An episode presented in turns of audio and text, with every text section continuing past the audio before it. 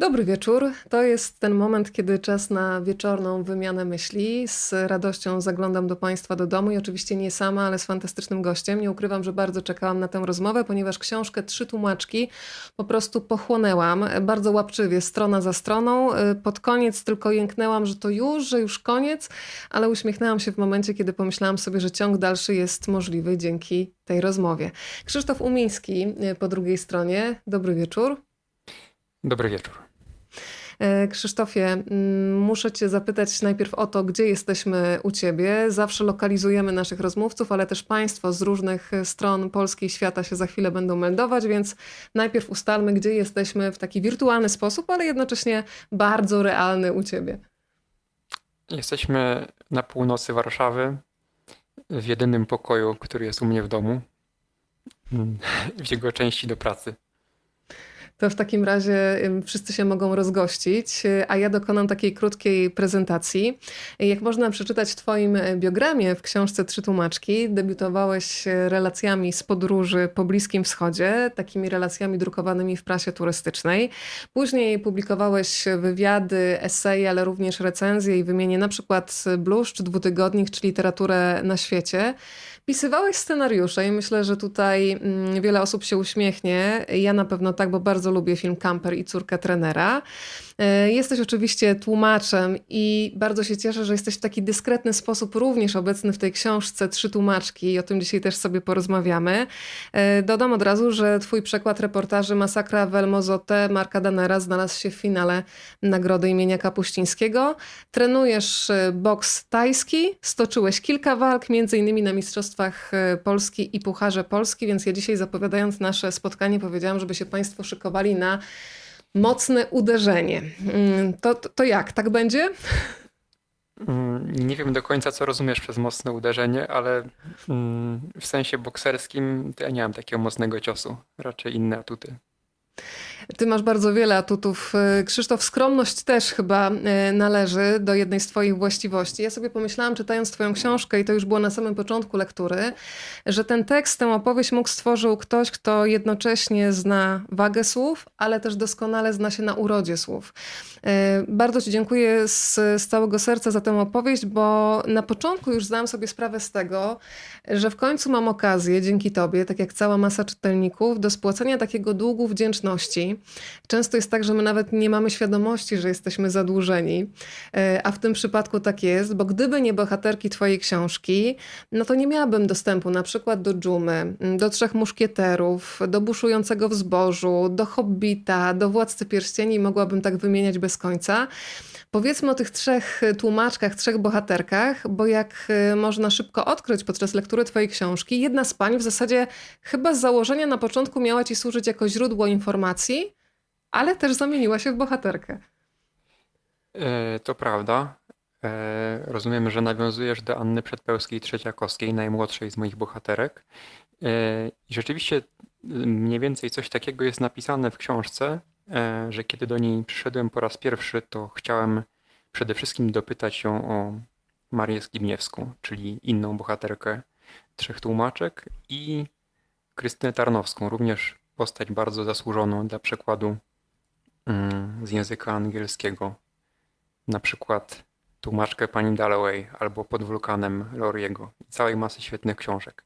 Więc e, wydawało mi się, że idę po to, żeby dopytywać o tamtej znajome, czy w jednym przypadku e, przyjaciółkę, ale jednak e, miałem świadomość e, wagi dorobku pani Anny i liczyłem się, kiedy spoglądam mm, do swojego zeszytu z tamtego czasu, to, to widzę, że, że ona już była na najwcześniejszych listach bohaterek i właściwie pierwsze pięć minut rozmowy mi to potwierdziło. To znaczy, że nie, nie ma odwrotu, że zrobię wszystko, żeby, żeby o niej napisać.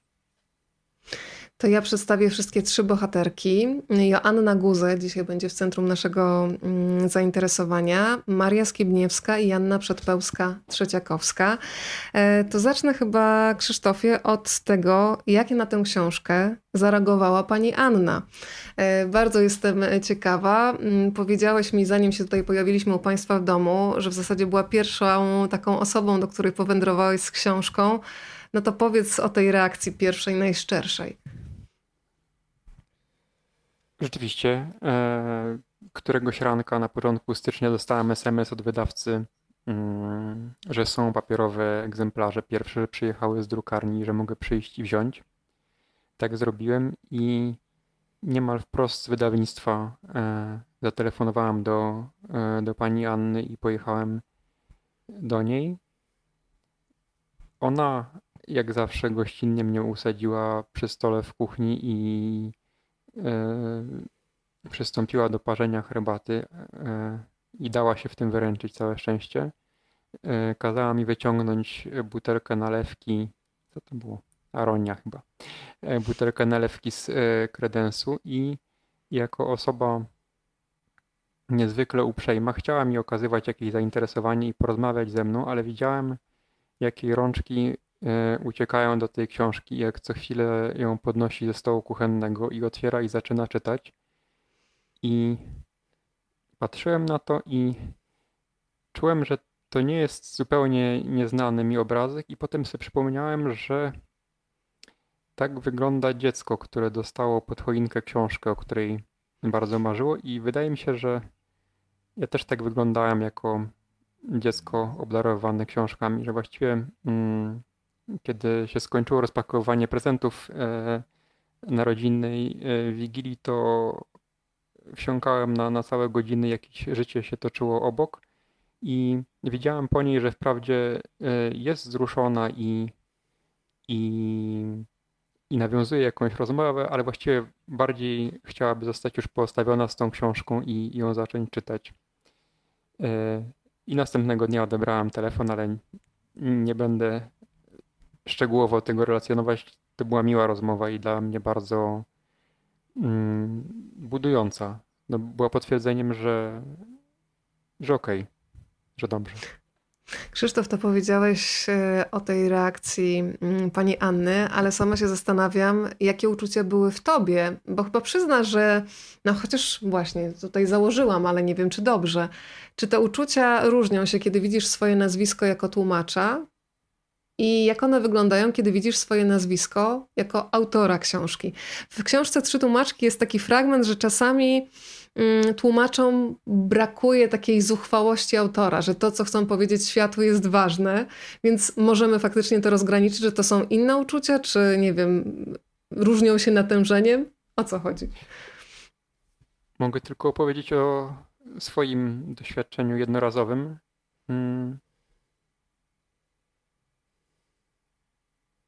Nie.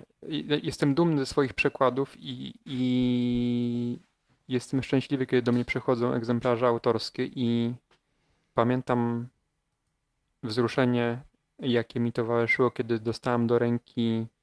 To nie był mój debiut przekładowy, ale to była wkrótce potem pierwsza książka, taka, na której mi strasznie zależało i e, którą tłumaczyłem z dużym przejęciem. Też to była powieść francuska, w poczuciu, że ona mówi też o, o jakichś nieco wesołych mm, sprawach z mojego życia. Więc pamiętam, jak e, strasznie byłem przejęty, kiedy przyszły egzemplarze autorskie i napisałem zaraz mail do wszystkich bliskich osób, e, że mam te egzemplarze autorskie i że ogłaszam konkurs i że można wygrać e, część z nich. Pamiętam też, jak mm, ta książka była czytana w polskim radiu i jak słuchałem tego z jeszcze żyjącą moją babcią i z dziadkiem i pamiętam ich wzruszenie i swoje ich swoje wzruszenie ich wzruszeniem i jeszcze mógłbym popadać w dużo skliwsze tony, tony ale może już wystarczy. Więc mm, to nie jest tak, że e, książki, które przetłumaczyłem są mi e, obojętne, ale nad niczym w życiu e, nie pracowałam tak długo e, i nic nie było dla mnie tak trudne i nie, nie kosztowało mnie tak wiele jak, e, jak książka Trzy Tłumaczki. Stąd wzruszenie było najsilniejsze, nawet jeżeli to nie, nie przybierało jakichś objawów w rodzaju drżenia rąk czy, czy płaczu, czegoś takiego, ale to było ważne i też nawet jeżeli to się ojej, obeszło bez jakichś y, wielkich słów czy deklaracji, to te parę minut, które siedzieliśmy y, z panią Anną u niej w kuchni miały swoją wagę. Może tak dużą wagę, że, że nie będę o tym więcej mówić. Niech to zostanie dla niej i dla mnie. Tak jest, to jest Ale wasza jeszcze, tajemnica. Jeszcze może dodam coś takiego, znaczy, bo z jednej strony może to jest nietaktownie o czymś takim mówić, może to jest w złym guście, ale wiem, że ona nie miałaby mi tego za złe. Jest e, bardzo wiekową osobą. E, skończy 95 lat w tym roku, więc e, chociaż jest w świetnej formie, to najzwyczajniej w świecie oboje sobie zadawaliśmy pytanie, czy ona dożyje premiery tej książki, czy nie. I mm, w pewnym momencie ona złożyła mi obietnicę po prostu, że, że dożyje. Ja przywykłem polegać na jej słowie, ale jednak jakaś nieufność też się nie czaiła. Więc tyle, jeśli chodzi o wzruszenia.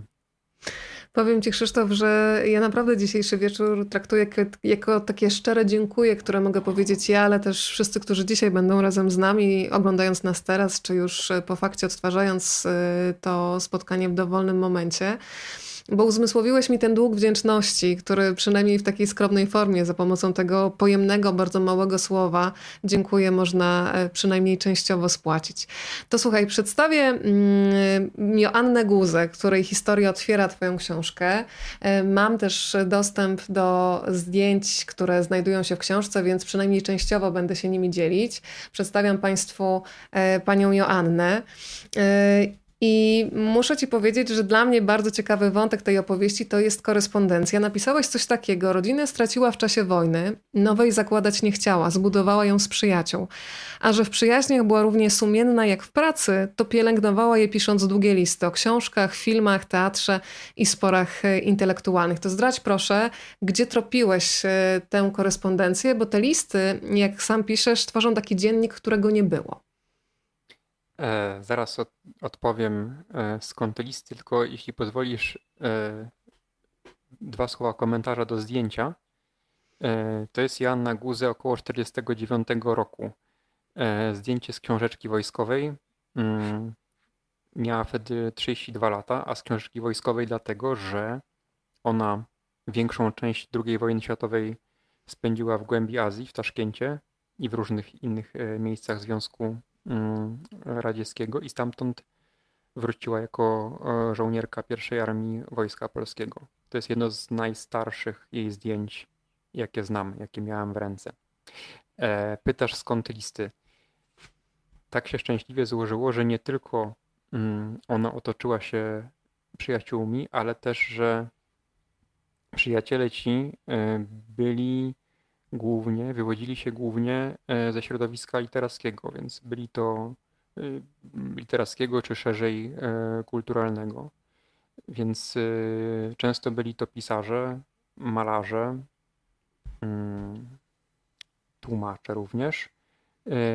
I między innymi dlatego stosunkowo łatwo było odnaleźć część tych listów, ponieważ one jako należące do archiwum jakiejś ważnej osoby nawet jeśli dzisiaj może mniej pamiętanej, ale e, swego czasu istotnej, e, przechowały się w różnego rodzaju archiwach. Na przykład w, we wrocławskim Ossolineum znalazłem kilkadziesiąt e, listów Joanny Guze do Andrzeja Kijowskiego, z którym była bardzo zaprzyjaźniona do krytyka, tłumacza, scenarzysty filmowego, człowieka, który też bywał kierownikiem literackim w krakowskich teatrach, być może warszawskich też, ale w tej chwili pamiętam krakowskie.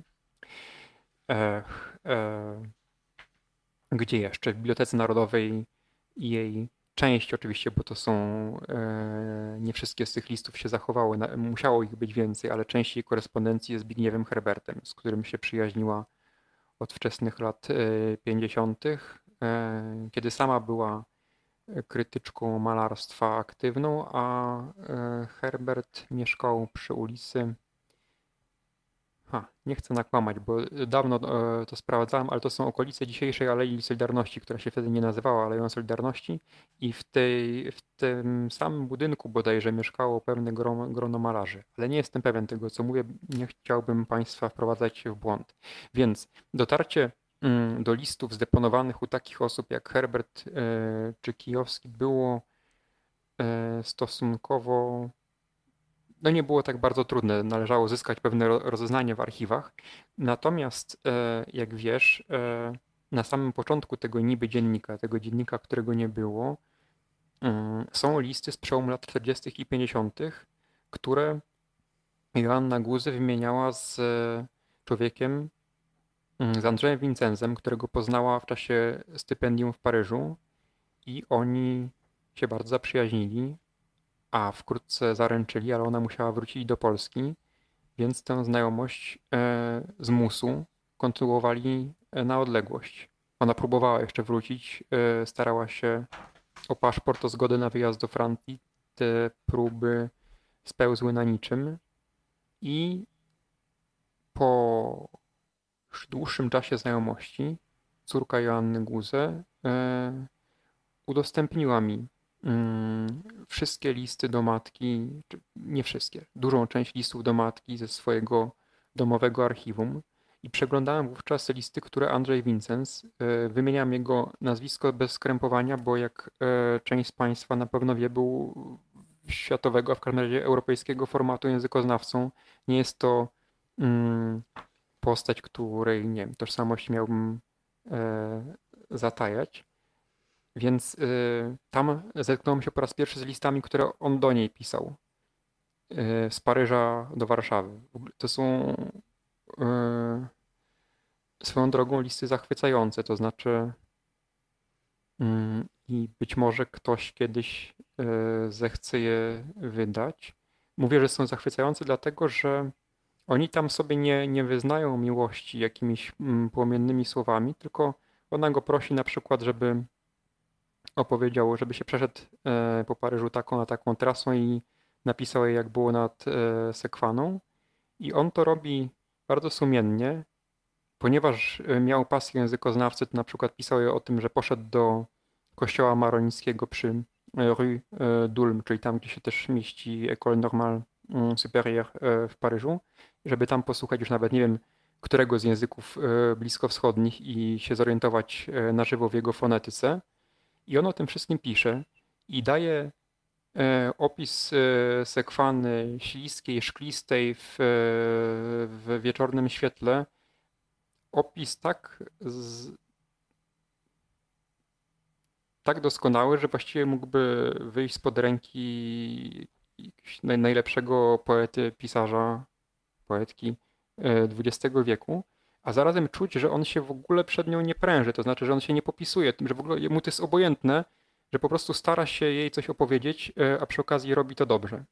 Ale wpadłem w dygresję, bo, bo rzeczywiście chociaż dawno tych listów nie miałem przed sobą, to cały czas jestem pod ich wrażeniem i pod wrażeniem tego, jaka postać się za nich e, wyłania człowieka wtedy bardzo młodego, bo świeżo zdemobilizowanego żołnierza dwudziestokilkuletniego. On był niespełna 30-letniego, w każdym razie był od niej młodszy.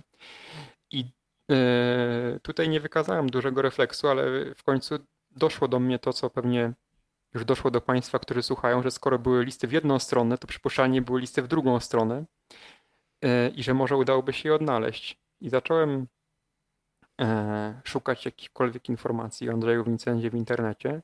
Nie musiałem szukać długo, bo trafiłem na bardzo solidny jego biogram udostępniony na jakiejś stronie internetowej z, lokalizowanej w Niemczech i e, w ciągu kwadransa uprzytomniłem sobie, że mm, Andrzej Wincens, który nie ożenił się, bo tak się los potoczył, nie, nie ożenił się z Joanną Guzę, miał później jedną żonę, drugą, a później już w latach 90. chyba ożenił się z mm, osobą od siebie młodszą, która jest zresztą znakomitą obecnie kustoszką jego archiwum, jego pamięci.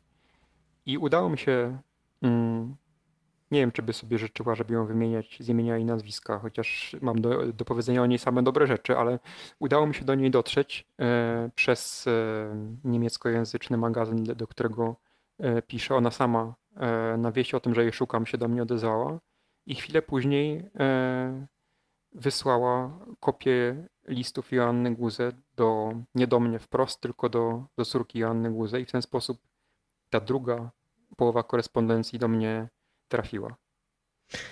Tak jak powiedziałeś, ta korespondencja jest piękna i ja uwielbiam słownictwo i taką lekkość w tych listach e, ze strony Joanny Guzy. E, ty też pokazujesz e, tą książką, że tak naprawdę można się spotkać z ludźmi, z którymi minęliśmy się trochę w czasie. Bardzo empatycznie do nich podchodzisz. Jest taki fragment w tej książce, kiedy piszesz: Był moment, kiedy mogli zaryzykować. On rzucić ukochane językoznawstwo na Sorbonie, zostawić rodziców, przyjechać do stalinowskiej Polski. Ona wyrzec się tłumaczeń, esejów, zalążków warszawskiej stabilizacji, przez ostatnią szczelinę czmychnąć na zachód. Łatwo się wymyśla takie scenariusze dla innych. Człowiek, nawet najodważniejszy, czasem jest zbyt zmęczony, żeby kolejny raz postawić wszystko na jedną kartę. I powiem Ci, że z jednej strony śledzimy bardzo konkretną historię, a z drugiej strony idę o zakład, że wielu czytelników czytając ten fragment pomyśli albo o jakichś swoich związkach z przeszłości, albo o jakichś relacjach swoich znajomych, które były bardzo bliskie szczęśliwego finału, a jednak do tego finału nie dotarły. W tych listach jest na przykład też bardzo wyraźna fascynacja Francją. E, przenieśmy się teraz wszyscy do roku 1947, kiedy to Janna Guze pisze tak. Paryż wystarcza mi sam przez się. Można tu być szczęśliwym bez życia osobistego, pieniędzy, sukien i tak co świadczy dostatecznie o potędze atrakcyjnej tego miasta. To był list y, akurat do Maryny Zagórskiej, czyli tłumaczki literatury rosyjskiej, ukraińskiej i czeskiej. Y, ale jest też taki piękny fragment, y, który opowiada o tym, że zamiast wrzucać pieniądze do fontanny di Trevi we Włoszech, to ona jednak wrzuca wszystkie pieniądze w zasadzie do Sekwany, bo ta Francja jest jej najbliższa. E, to Krzysztof, zanim wrócimy do Joanny Guze, to powiedz, jakie miasto w tobie otwiera taką przestrzeń, że zostawiłbyś wszystkie pieniądze świata, żeby do niego wrócić? Och, chyba nie, nie myślę o tym w tak e, dramatycznych kategoriach, ale dobrze mi zawsze było w Marsylii. Nigdy w niej nie mieszkałem. E,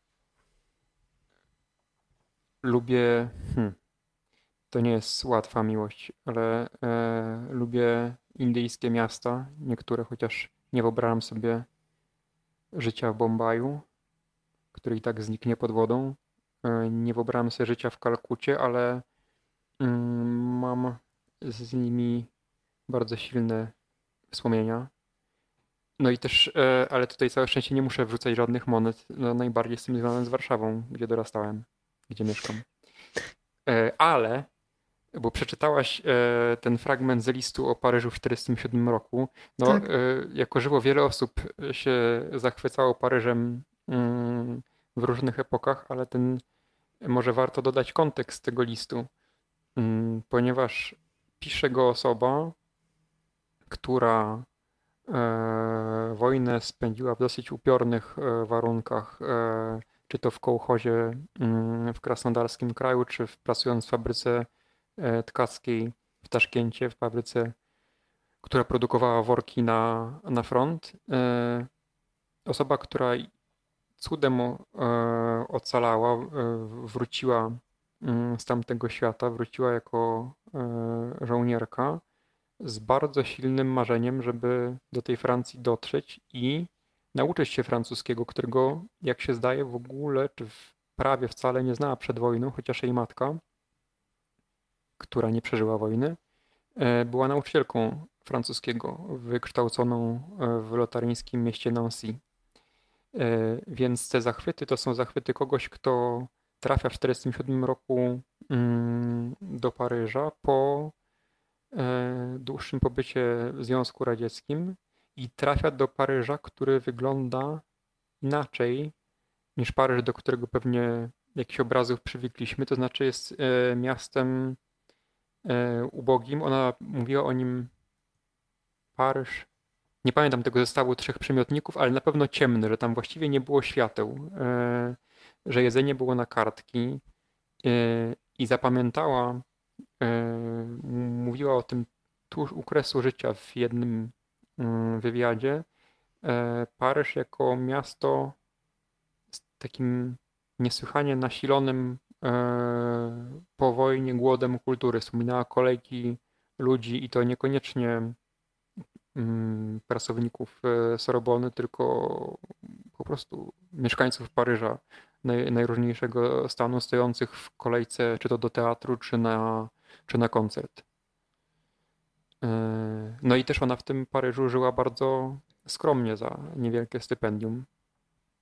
O, tak, my dzisiaj wielokrotnie, Krzysztof, będziemy się przemieszczać e, w czasie i w e, przestrzeni. E, ja od razu powiem Państwu, że jeżeli tylko macie ochotę podzielić się tym spotkaniem, to można to zrobić bez problemu. Pod tymi oknami, w których jesteśmy widoczni na Facebooku, jest taki guziczek jak udostępnij. Wystarczy go nacisnąć i to spotkanie również pojawi się na Państwa osi czasu. Joanna Guze w Twojej opowieści wywołuje bardzo dużo takich wątków uniwersalnych dla wszystkich tłumaczy. I jest taki wątek bardzo ciekawy, za co odpowiada tłumacz. Czy tylko za jakość swojej pracy, czy również za przekaz, za ideę, które niesie przetłumaczona przez niego książka. Mm, I ty przytaczasz taką rozmowę, taką dyskusję w zasadzie, która się toczyła. Jerzy Jarniewicz y, powiedział o tym, że tłumacz powinien odpowiadać nie tylko za to jak, ale również też za co. Natomiast Rafał Lisowski wszedł z, y, z nim w polemikę i powiedział wprost, że rzadko tłumacz ma taki realny wpływ na to, co się publikuje. Z czegoś trzeba żyć. Ambitnych książek jest mało, tłumaczy jest wielu. I bardzo podoba mi się mm, takie mocne zdanie też twoje, że jest jednak bliżej do Jarniewicza, że jeżeli się podejmuje inną decyzję, no to chcąc nie chcąc, y, człowiek uczestniczy jednak w zaśmiecaniu świata. Możemy trochę rozwinąć ten wątek? Tak, oczywiście. E, dyskusja, e, którą relacjonujesz, jest dyskusją dosyć niedawną. To znaczy, ta jej odsłona jest dosyć e, niedawna, bo, bo właśnie kłopot, pytanie, czy tłumacz odpowiada mm, wyłącznie za to, żeby jak naj wierniej i najpiękniej e, oddać tekst książki, czy również e, za to, jakie książki swoją pracą wprowadza do innego języka, do, do nowego obiegu. No i dlatego przywołuję dyskusję między Jerzym a, a Rafałem, e, że można ją odnieść do, do innych czasów też. Mm sama powiedziałaś, jest uniwersalna. Dobrze, dosyć e, tego, e, przydługich e, wstępów. E, tak, piszę o tym dosyć ostro.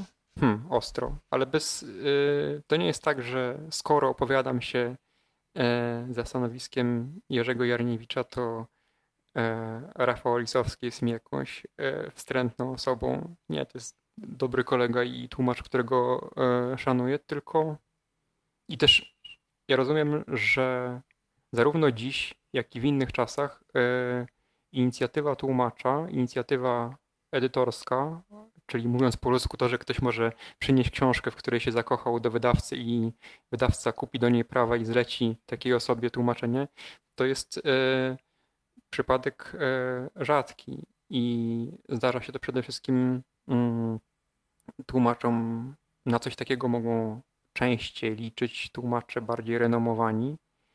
E, a jeżeli ktoś debiutuje w e, zawodzie albo nawet nie debiutuje, ale ma małe dziecko albo jakieś inne zobowiązania e, finansowe, to mm, bardzo trudno jest mu pozwolić sobie na taki wysiłek, że nie tylko tłumaczy tę ukochaną książkę, ale też E, spędza godziny, dni pukając do drzwi kolejnych wydawnictw i przekonując, że właśnie ten pisarz nieżyjący od 50 lat, e, który nie dostał żadnej ważnej nagrody i który nie figuruje na żadnej zagranicznej liście bestsellerów i nie był wciskany wszystkim podczas ostatnich targów książki we Frankfurcie albo Londynie, że właśnie ten nikomu nieznany pisarz jest, jest e, tym, na kogo trzeba postawić. A, ale mm, zacytowałaś te słowa z książki, które nie wiem, komuś się mogą wydać e, brutalne o zaśmiecaniu świata.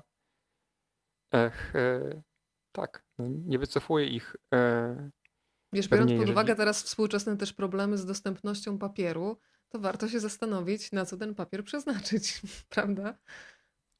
To swoją drogą, a oprócz tego, hmm, no, ja się przejmuję kwestią dobrych książek, bo jestem z nimi zawodowo związany. Jak ktoś się jest zawodowo związany z wypiekiem bochenków chleba, to się przejmuje jakością chleba i mąki i, i bułeczek. I pszenicy, e, tak.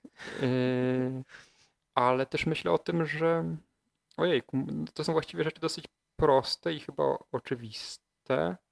Nie, może nie są proste, ale że mm, no i im więcej książek się wydaje i im robi się to bardziej lekkomyślnie z, z nastawieniem ściśle merkantylnym, tym bardziej te książki e, wydane pochopnie i napisane e, nieuważnie i zredagowane nieuważnie i przetłumaczone w pośpiechu e, przykrywają to, co mogłoby być prawdziwie cenne i mogłoby być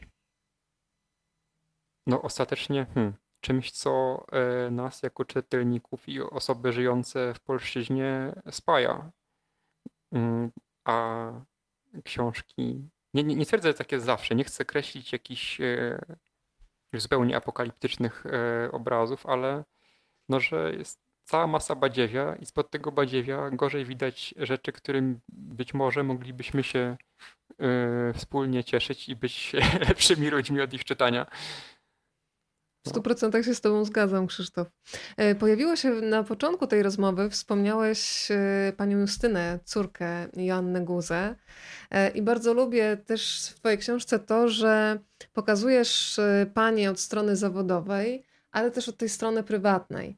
E, w przypadku Janny Guze, mama Justyny i ten moment, kiedy faktycznie to jest ogromne wyzwanie, o tym się bardzo rzadko mówi, e, pogodzenie pracy tłumacza, bardzo wymagającej, e, wymagającej ślęczenia nad biurkiem, ale też przekopywania się przez tonę książek. To są często podróże, które pozwalają lepiej zrozumieć autorów książek. No i pogodzenie tego z rolą mamy nie jest niczym łatwym. Natomiast też absolutnie zazdroszczę pani Justynie takiego dostępu po latach też do listów, w którym, do listów, w których czuć y, z jaką ogromną miłością y, przyjęła pojawienie się na świecie y, swojej córki.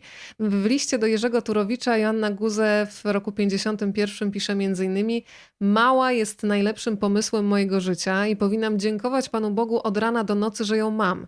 Wszystko nabrało wreszcie sensu i jednocześnie to poczucie humoru i ten dystans i też prawda, która była w Jannie Guze. Uwielbiam też ten fragment, kiedy ona pisze wprost w jednym z kolejnych listów, że dzieci, zacytuję tutaj wprost i wyraźnie, nas udupiają. Więc tutaj nie ma żadnego wykluczającego się tutaj, że miłość wyklucza powiedzenie czegoś tak mocnego, no ale w tym też jest prawda, powiedzmy sobie szczerze. Eee, tak, ten, to, ten ostatni cytat, który przytoczyłaś, to chyba w ogóle jest cytat z tak. Monterlanta i ona to pisze, kiedy już jej córka jest starsza, ale wkrótce po przyjściu na świat dziecka ona w liście do, e, do bliskiej osoby za granicą on też pisze, że wpadł, że osiągnęła stan ostatecznego skrytynienia, czy, czy coś takiego. Hmm. Była hmm, niezwykła e, nie tylko w swoich wyborach zawodowych, ale również życiowych. Także w tym, że e, no, Cytuję w książce słowa Józefa Hena. Nie wiem, czy bym, e, na pewno bym się sam nie zdobył na to, żeby tak e, krótko podsumować, ale Hen opowiadał mi, że kiedy ją po raz pierwszy spotkał chyba w domu pracy mm, twórczej w oborach, to ona mu na dzień dobry rzuciła, e, a ja chciałam mieć córkę i mam, a męża nie. I tyle. Mhm. A to swoją drogą też sobie teraz pomyślałam, Krzysztof, o tym, że przy tworzeniu tej książki miałeś naprawdę sporą frajdę, bo wspomniałeś o spotkaniu z panią Anną, ale spotkanie z Józefem Henem, umówmy się, to też jest ogromna frajda. E, czy ty byłeś stremowany przychodząc na te spotkania, kiedy przychodziłeś po raz pierwszy, no zawsze jest jakiś taki pewnie etap, nazwijmy to kolokwialnie, obwąchiwania się. Jak ty wspominasz te rozmowy? Może tylko e, uściśle, nie było mi dane spotkać się z Józefem Henem twarzą w twarz. Rozmawialiśmy mhm. przez e, telefon, e, niestety. Natomiast wiele innych e, znakomitych osób spotkałem. Czy czułem tremę? Hmm.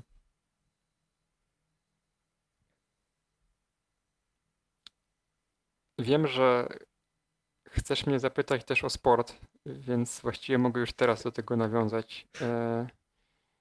Myślę, że wyczynowe mm, uprawianie sportu, a zwłaszcza indywidualnego sportu, trochę e, oswaja człowieka z tremą i strachem i mm, z taką myślą, że nad pewnymi rzeczami ma się kontrolę, a nad pewnymi nie, więc moją rzeczą było dobrze się przygotować do rozmowy.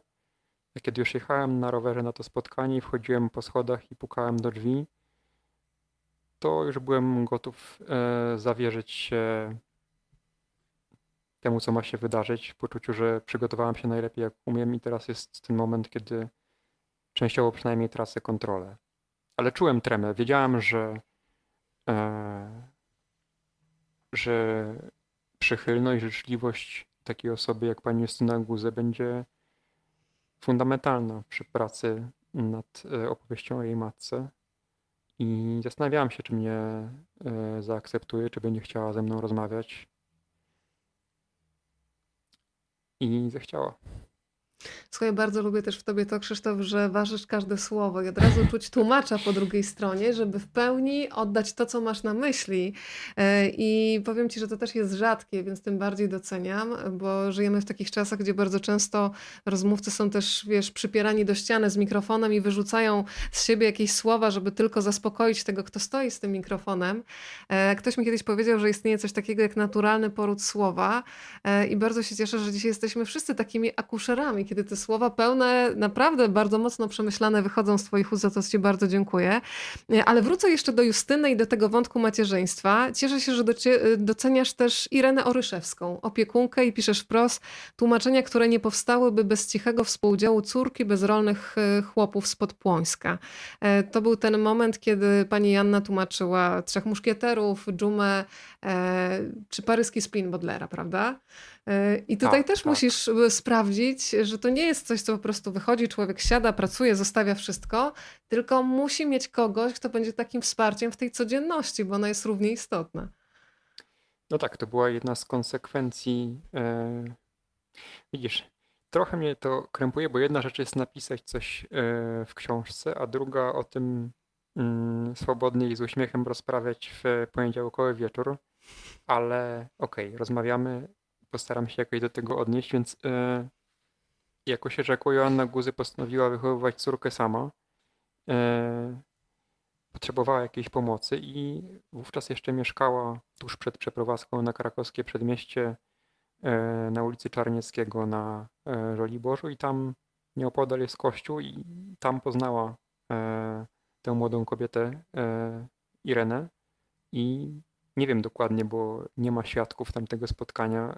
Siłą rzeczy e, pani Justyna Guze nie potrafiła mi o tym nic powiedzieć. E, Jakoś się skłoniła do tego, żeby zamieszkały razem i mm, podział obowiązków był taki, że Joanna Guze pracowała, e, pisała recenzje mm, wystaw malarskich, tłumaczyła książki.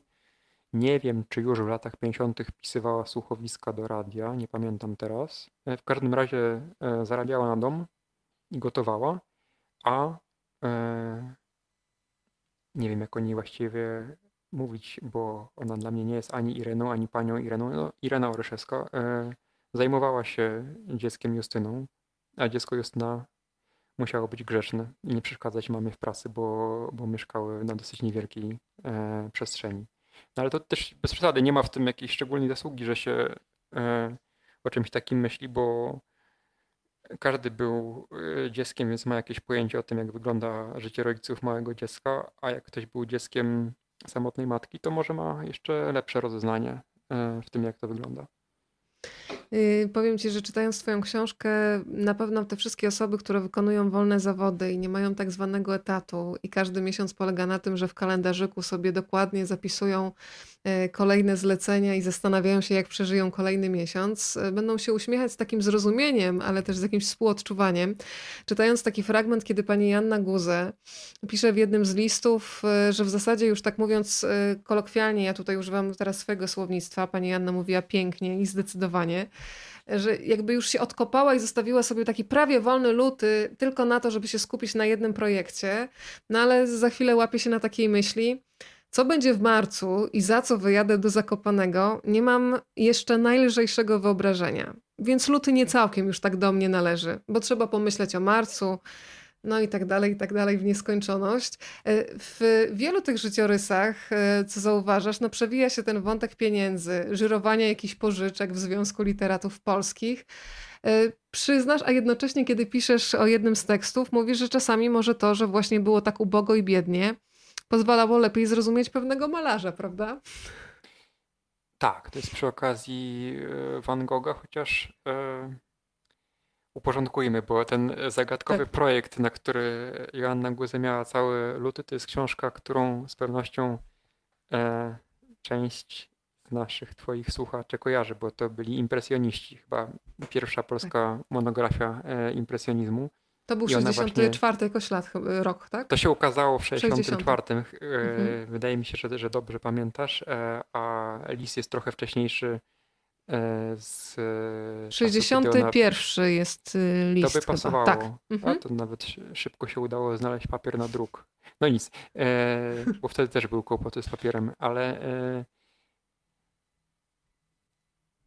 czekaj, bo się zacukałem. Mm, mowa o impresjonistach. E, A zaczęliśmy o tych freelancerach, którzy cały czas powiedzmy o tym wątku pieniędzy, ale też o tym, że tłumaczenie Van Gogha na przykład w sytuacji, kiedy samemu się nie ma pieniędzy, czasami może pomóc, bo łatwiej zrozumieć A tak, historię tak, tak. bohatera. E, no, rozmyślałem mm, o tym, że wprawdzie życzyłbym jej e, wstecznie, retroaktywnie, jak największej pomyślności finansowej, żeby w jak najlepszych e, warunkach mogła pracować i zabierać e, dziecko na, na miłe wakacje, ale że jest w tym coś odpowiedniego, że mm, Van Gogha, e, listy Van Gogha do brata, do Theo, mm, tłumaczyła hmm, w warunkach dosyć wymagających. Akurat te listy, które znam na ten temat, pochodzą z pobytu wakacyjnego nad morzem, bodajże w Ustce i ona tam pisze do Julii Hardwig, że wynajęła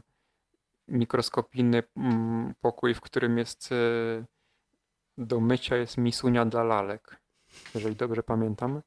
No i tak wtedy sobie pomyślałam, ho, ho właśnie, że to jest bardzo w porządku, że jak ktoś tłumaczy mm, listy Van Gogha, który był e, biedny i cierpiał, to to nie zaszkodzi, jak e, pomieszka w ciasnym pokoiku z misunią dla lalek.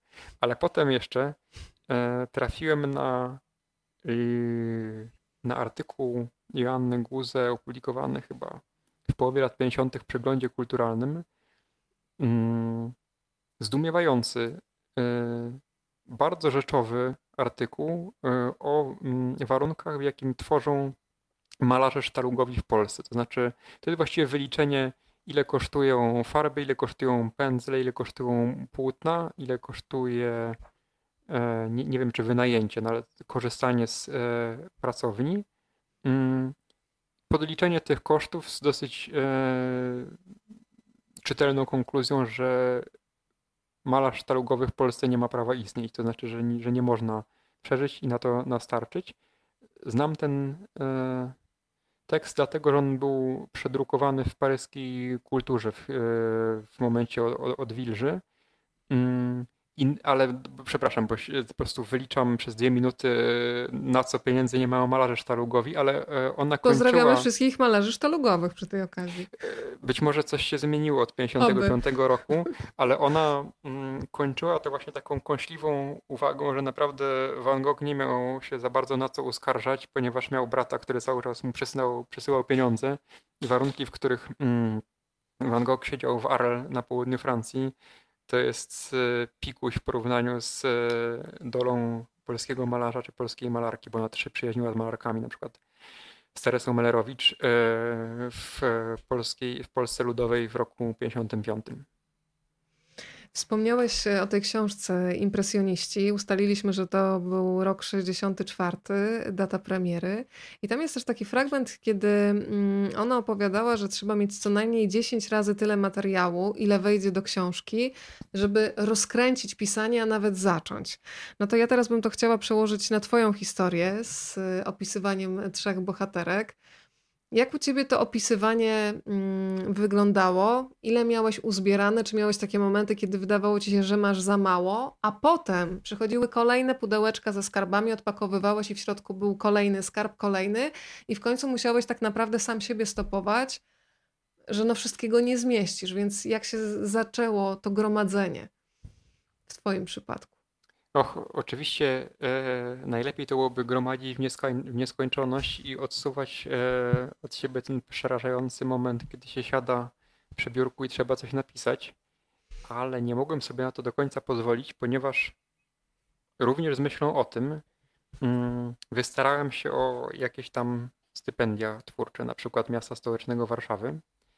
E, I tak naprawdę na początku to ja myślałem, że te stypendia, jak ja byłem głupi, że ich nie biorę dla pieniędzy, tylko po to, żeby, żeby już nie odpuścić. To znaczy, żeby sobie przyłożyć takie stypendium jak pistolet do głowy, że skoro już ktoś mi dał pieniądze i co więcej podpisałem umowę stypendialną, która mnie zobowiązuje, żeby w danym terminie się rozliczyć z, z fragmentu książki, to dzięki temu tę książkę napiszę.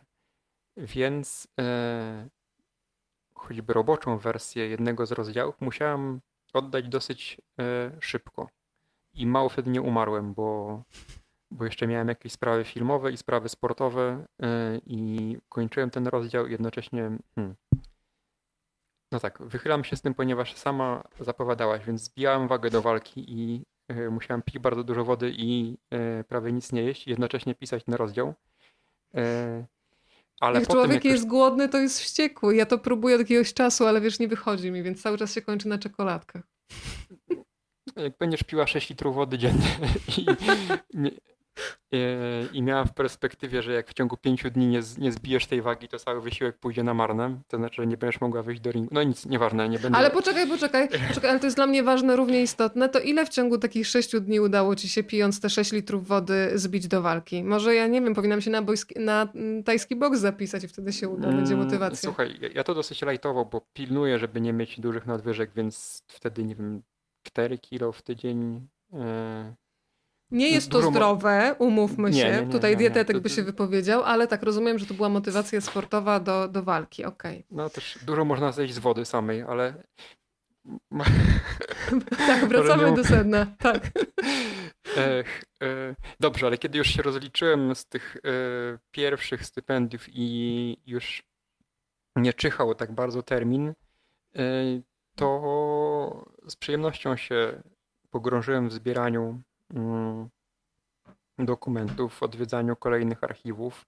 Udało mi się znaczną część kwerendy do książki przeprowadzić e, przed wybuchem pandemii i strasznie współczuję wszystkim osobom, które piszą książki non-fiction już po marcu 2020 e, roku, ponieważ biblioteki i archiwa albo są zamknięte, albo, albo dostęp do nich jest bardzo ograniczony a mi udało się nawet pojechać do Aix-en-Provence na południe Francji i tam e, wydobyć z archiwum listy korespondencję między Joanną Kuze a Albertem Camus. I właściwie to najchętniej bym tylko gromadził, gromadził, gromadził te dokumenty, ale kiedyś trzeba zacząć pisać i, mm, i właściwie tak samo jak Joanna Kuze i to wydaje mi się, że to jest cecha ludzi, którzy pisanie traktują odpowiedzialnie że gromadzą dużo tych materiałów. Kapuściński zdaje się mm, powtarzał, że na jedną stronę napisaną przypada 100 stron przeczytanych. Nie pamiętam, czy to była dokładnie taka proporcja, ale ma to sens. E... Cóż, ale kiedyś trzeba usiąść e... i pisać. No, no, no, ten pierwszy rozdział, który musiałem oddać, to był rozdział o Joannie Guzy. Jak wiesz, on w książce ma postać e, powieści epistolarnej przeplatanej tu i ówdzie moimi komentarzami, to znaczy w dużej mierze są to jej listy, a ten pierwszy, ta pierwsza wersja była zupełnie inna. Nie było tam w ogóle listów. Zobacz Państwo, niektórzy dopiero teraz odkryli, to pan jest bokserem, to niespodzianka, to ja, słuchaj, żebyś nie był zawstydzony, ja też kiedyś chodziłam na boks, o to mnie Państwo też na pewno nie podejrzewają, nie na tajski, ale na zwyczajny i to była jedna z fajniejszych przygód mojego życia, tym bardziej, że miałam trenera 70-kilkulatka, z którym przegadaliśmy bardzo dużo o życiu e, i od tamtej pory wiem, że boks mi się kojarzy kompletnie z czymś innym niż kojarzył mi się kiedyś. E, do boksu wrócimy, ale teraz wracamy do bohaterek naszej książki i niech się pojawi Camille. E, Janna Guza mówiła, że jest w zasadzie maniaczką tego pisarza. To pada też głośno i wyraźnie w twojej książce. Powiedzmy, że był taki moment, kiedy ona wręcz została pasowana na tłumaczkę i tutaj chyba duże, mm, duże, dużą pomoc, y, mm, duża pomoc wyszła ze strony Józefa Czapskiego, który był takim trochę pośrednikiem, który miał zaświadczyć, że to jest tłumaczka, w której ręce naprawdę warto się oddać. Tak było, ale wynikało to z e, przenikliwości Alberta Kami, co jest w ogóle ciekawe, bo Kami, mm, o ile dobrze wiem, nie znał za bardzo języków obcych, e, trochę angielski, niemniej miał najwyraźniej świadomość e, wagi przekładu. On z Czapskim znał się od końca lat 40. Opowiedzieć o tym, czy nie opowiedzieć? Bo to jest opowiedzieć. dygresja, ale może ciekawa. Pod koniec lat 40. w Paryżu ukazała się Dżuma. Czapski ją przeczytał. Był tą książką zachwycony. Namawiał Giedroycia, żeby ją wydać, ale chyba nie mieli pieniędzy i wydrukowali fragment. Zresztą w tłumaczeniu Andrzeja Bobkowskiego, którego rowerzyści znają jako autora szkiców piórkiem. E, wtedy też Czapski za pośrednictwem André Malraux nawiązał jakąś zalążek korespondencji z e, Camusem i kiedy po październiku, kiedy po odwilży 56 roku pojawiła się szansa, żeby Camus wydać w Polsce i już e, nego, e, PIW negocjował mm, z Gallimanredem umowę na, na wydanie Dżumy, to Camus zastrzegł, że chciałby, żeby przekład do niego trafił, żeby on mógł go przedstawić komuś do, do oceny. I tą osobą, której e, Kami przedłożył tłumaczenie Joanny Guzy, był właśnie Józef Czapski. E, Czapski razem ze swoją siostrą Marią e, kilka wieczorów czytali wspólnie na głos dżumę, porównując przekład Guzy i oryginał i następnie entuzjastycznie mm, i lojalnie w stosunku do Joanny Guzy, chociaż nie znali się wówczas, e, zarekomendowali ją e, Kamisowi. On był zachwycony oczywiście jak ten, jak, e, jak to Kami chciał, chciał jakoś odpłacić Czapskiemu. Czapski, jak to Czapski nie chciał słyszeć o żadnych pieniądzach, stanął na tym, że Kami wysłał mu w prezencie w poszukiwaniu straconego czasu w wydaniu Plejady, takiej bardzo ważnej, pięknej serii wydawniczej u Galimarda. Ale, no właśnie, Czapski mm, Czapski e, polecił Kamisowi Joannę Guzę, a Maria Czapska bardzo taktownie, e, ale też e, merytorycznie napisała do Joanny Guzy, zwracając uwagę na pewne potknięcia. Nie to, żeby w żadnym wypadku nie dyskwalifikujące, ale jakieś tam usterki w tym przekładzie. Mm. I cóż, i kiedy, kiedy tylko Kami przekonał się, że, że tłumaczenie jest dobre, a jeszcze Czapski rekomendował mu Joannę Guzę jako osobę bardzo szlachetną i nieskazitelną w sensie politycznym, to znaczy nie, nieskompromitowaną e, współpracą z, z, reżimem, który no, w jakimś stopniu upadł w Polsce. Wtedy nie wiem, czy upadł to jest dobre słowo, ale krótko mówiąc, e, zachwalał e, Kamisowi po, postawę Joanny Guzę we wczesnych latach 50. w Polsce. E, wtedy Kami chyba posłał do ZAX-u taki list, że od tej pory tylko pani Guzę.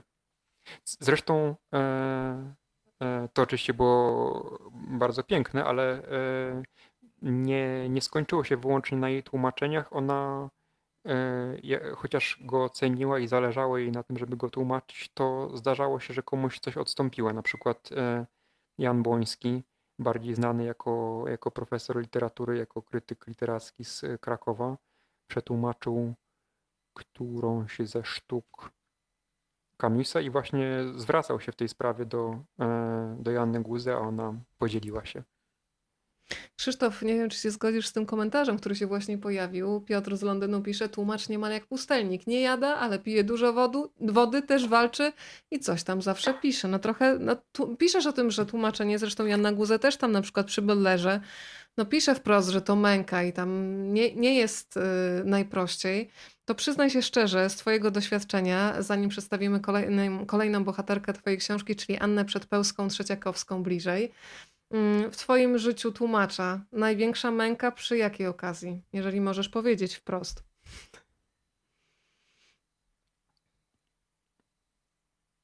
Największa męka, nie będę wymieniać tytułów, ale yy, to było tłumaczenie książek, które mi się nie podobały, których nie ceniłem, yy, które wziąłem do tłumaczenia przymuszony koniecznością finansową albo dlatego, że że się spieszyłem, pomyliłem się we wstępnej ocenie albo nie przeczytałem książki w całości mm, wcześniej.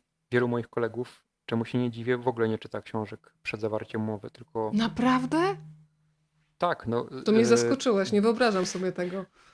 Dlatego, to jest jak wejście tak... na minę, prawda, która może wybuchnąć orientują się, nie wiem, przeczytają pewnie recenzje w internecie czy coś takiego, ale y, dlatego, że tyle pracują i w takim pośpiechu i również dlatego, że wiedzą, że z tą książką jeszcze hoho spędzą y, wiele czasu, nie czytają. Ja staram się czytać y, no, przez to podejście, o którym mm, mówiliśmy, ale to nie jest dobry interes, więc Męką było tłumaczenie po prostu kilku książek, które były średnio napisane. Nie były bezwartościowe, bo to, e, to była literatura dokumentalna, więc ona przynajmniej mm, mówiła o jakiejś rzeczywistości i to może o sprawach ważnych, tylko, yy, tylko pod względem językowym to było monotonne i Jeden mój kolega kiedyś tłumacz w, powiedział w wywiadzie, że tłumaczył coś, myślał, że dostanie raka mózgu. I e, ten obraz do mnie przemawia.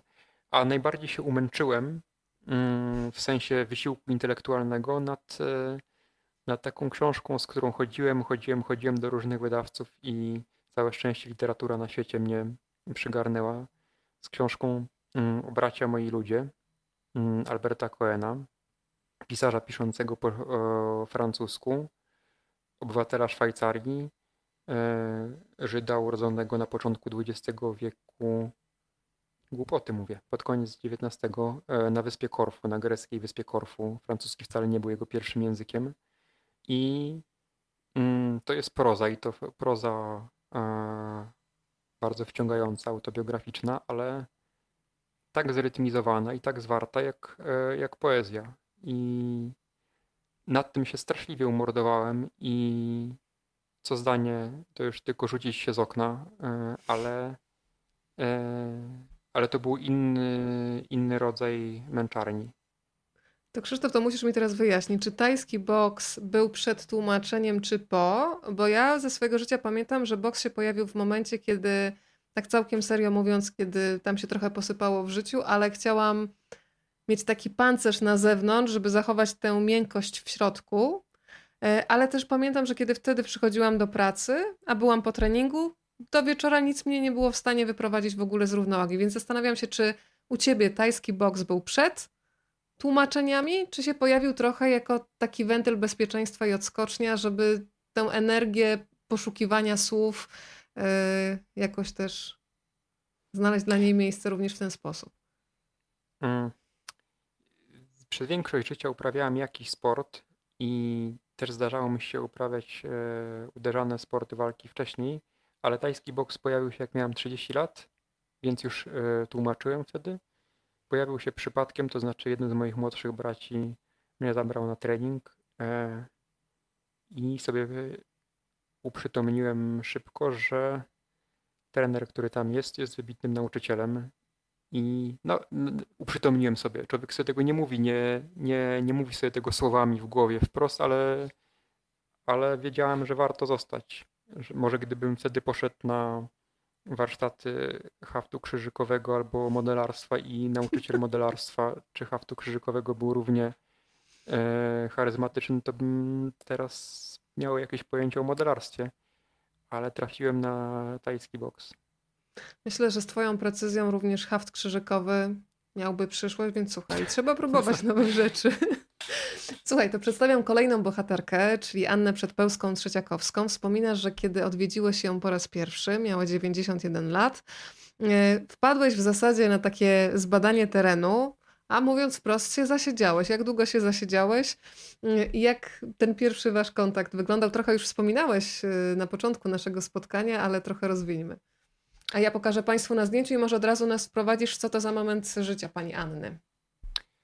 Hmm, przypuszczam, że połowa lat 60.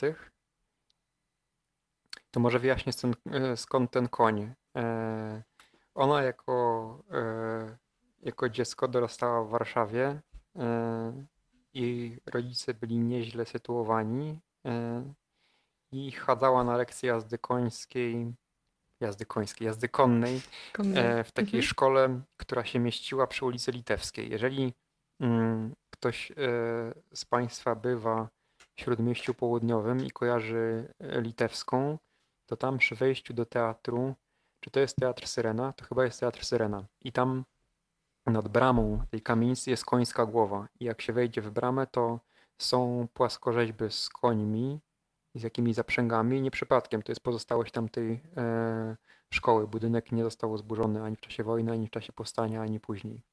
Więc ona jako dziecko tam latała z bratem i został jej sentyment a wtedy, w latach 60., mm, odkupiła klacz. E, to może, może kogoś dziwi, że, e, że tłumaczka, która walczy o byt, e, kupuje klacz pełnej krwi angielskiej, ale tam ta klacz miała słabe pęciny i nie sprawdziłaby się jako koń wyścigowy, była przeznaczona na rzeź. Więc ona ją odkupiła za cenę mięsa i wstawiła do gospodarstwa, które działało przy Domu Pracy Twórczej w Oborach. Tam przed wojną był pałac e, rodziny Potulickich i było w związku z tym gospodarstwo, a po wojnie, mm, po wojnie e, pałac został skonfiskowany przez, e, przez państwo. W pałacu utworzono Dom Pracy Twórczej, gospodarstwo pozostało i tam stała ta klacz. Mm, kiedy pani Anna gościła w Domu Pracy Twórczej, coś tłumaczyła, to na niej mogła jeździć. I Zbigniew Herbert, zdaje się, bardzo lubił do tej klaczy przychodzić i ją karmić i w listach do Anny Przedpełskiej-Trzeciakowskiej zawsze podpisywał się wierny stajenny. Niezmienny stajenny, oczywiście, nie wierny, tylko niezmienny stajenny. No i a, tyle jeśli chodzi o konie. A pytasz o pierwszą wizytę? Tak. W październiku 2018 roku. Pamiętam, bo zaraz potem miałem Puchar Polski yy, i Pierwsza rozmowa, wydaje mi się, że nagranie z niej trwało dobrze ponad 4 godziny i zostałbym dłużej, ale czułem jak słabniej głos. E, swoją drogą to było, to mało powiedzieć, że ujmujący. Przyszedłem, obcy człowiek, e, jeszcze Boże, wtedy Dobra, nieważne. Nie, nie, nie Ale nie, nie, nie, nie, nie, nie, nie wywiniesz się, to było coś bardzo ciekawego. Proszę, podziel się, no. Miałem głowę ogloną na łyso yy, i tyle, więc nie, niekoniecznie to jest wygląd budzący zaufanie. A ona zaczęła mi opowiadać bez skrępowania i o swoim życiu yy, w czasie okupacji i o tych najczarniejszych latach yy, powojennych, przełom 40. i 50. I słuchałem tego jak dziecko. I, i tak jak powiedziałam Ci już wcześniej, właściwie po tej pierwszej wizycie wiedziałam, że, że, że bardzo chcę o niej napisać, ponieważ e, doszło do mnie, że, mm, no, że to jest niepowtarzalna szansa, bo ona chociaż młodsza od pozostałych bohaterek, to e, w świat wydawniczy i w zawód tłumacza weszła wtedy co one, to znaczy w pierwszych latach powojennej Polski. E, jeszcze potrzebowała kilku lat, żeby ukończyć anglistykę na Uniwersytecie Warszawskim, ale zaraz potem trafiła, zresztą skierowana nakazem pracy e, do e, spółdzielni wydawniczej Czytelnik i widziała narodziny polskiego edytorstwa po wojnie. I pamięta to, ponieważ tak to chyba jest z ludzkim mózgiem, że dosyć dobrze przechowuje wspomnienia z czasu, kiedy mieliśmy 25 lat na przykład. To słuchaj, to jest taki fragment, kiedy ty masz 26 lat, jego bardzo lubię i od dzisiaj zaczynam myśleć o dojrzałości w taki sam sposób jak ty. Czyli znowu teraz cię będę zawstydzać, tak? Bo powiedziałeś, że dużo łatwiej napisać niż potem o tym rozmawiać, ale musisz to znieść. Człowiek po tajskim boksie musi być twardy, więc słuchaj. Jakoś w wieku 26 lat, kiedy miałem za sobą najgorsze turbulencje dojrzewania i wczesnej pełnoletności, zaczęło mnie zaprzątać pytanie, co właściwie znaczy być dojrzałym. Zdefiniowałem sobie wtedy dojrzałość, a definicja ta do dziś wydaje mi się sensowna, to znaczy pomocna w pracy nad sobą, jako równowagę miękkości i twardości. Miękkość to empatia, łagodność, słodycz, troskliwość, subtelność, wielkoduszność, zdolność do ustępstw, kompromisu, przebaczania. Twardość, odwaga, siła woli, upór, energia, wytrzymałość. Najbardziej chyba podziwiam osoby, u których twardość harmonizuje z miękkością, a przy tym pozostaje ukryta. Nie jest wystawiona na pokaz i nie szuka poklasku, schowana na trudne chwile i potem mówisz o tym, że trochę tak jak z kolczugą, którą nosił pod starą kurtką pewien dzielny hobbit, do hobbita jeszcze dzisiaj dotrzemy. Mówię ci bardzo szczerze, Krzysztof, że jest mi to bliskie, mm, bo wydaje mi się, że ty sam masz w sobie właśnie taką miękkość i twardość, ale skoro mówimy o tej dojrzałości o takich decyzjach, to żeby cię nie wprowadzać tutaj w trudne wątki, żebyś musiał rozwijać własne myśli, własną wrażliwość, to od razu gładko przejdę do tego momentu, kiedy zadałeś pani Annie pytanie o to, co spowodowało, że ona w 1945 roku, przecież jako młoda dziewczyna, podjęła decyzję, no i mamy takie czasy, jakie mamy, rok 45, podjęła decyzję, żeby studiować anglistykę. Pamiętasz, co ci wtedy odpowiedziała? Odpowiedziała ze strachu. Dobrze pamiętam?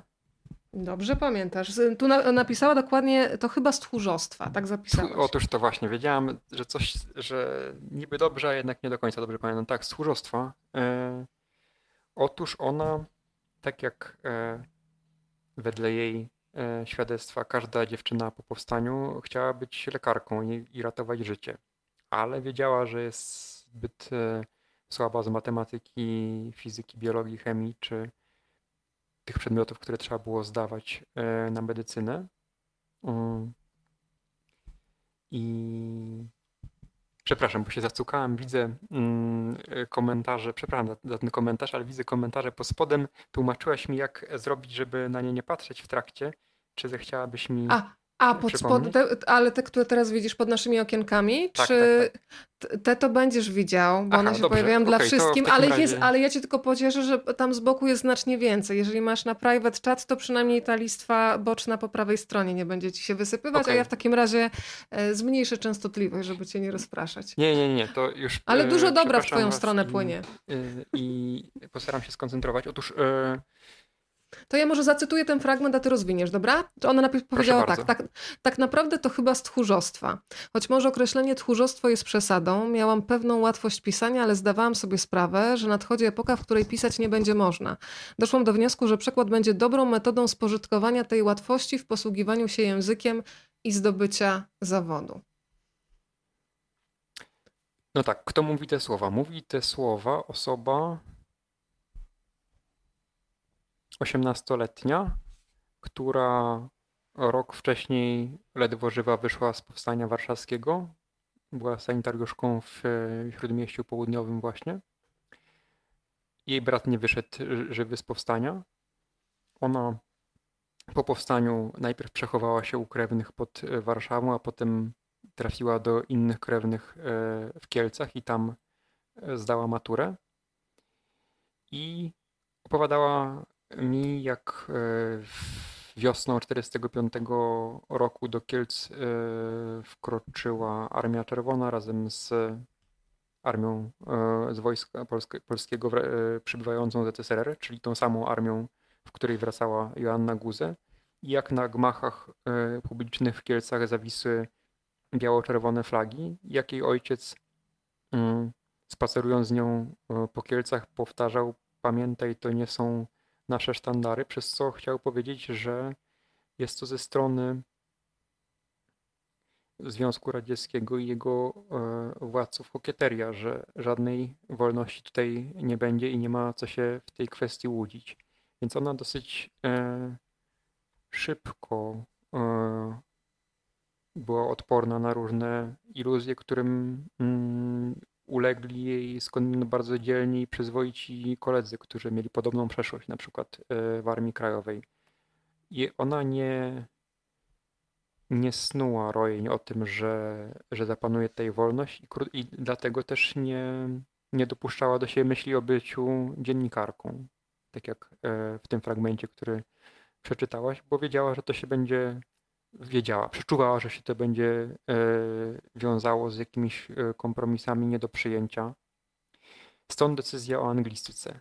Ona, co nie jest takie częste u osób e, przedwojennych, już z tym językiem miała styczność, bo w szkole panny Plater, która się wtedy mieściła przy Pięknej i teraz znowu się mieści przy Pięknej, a jeszcze po drodze ulica Piękna nazywała się ulicą Piusa, PAL 6. Ona wtedy zetknęła się z e, angielskim, miała irlandzką e, nauczycielkę Jenny O'Sullivan, która uczyła je, zdaje się, również na tajnych kompletach w czasie okupacji.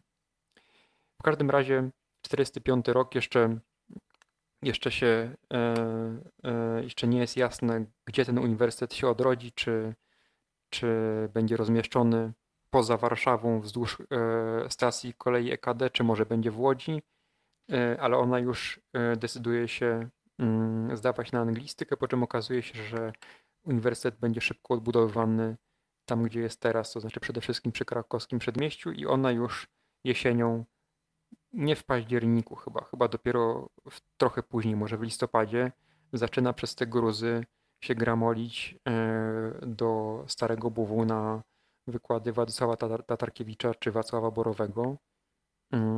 No i sposobić się do zawodu.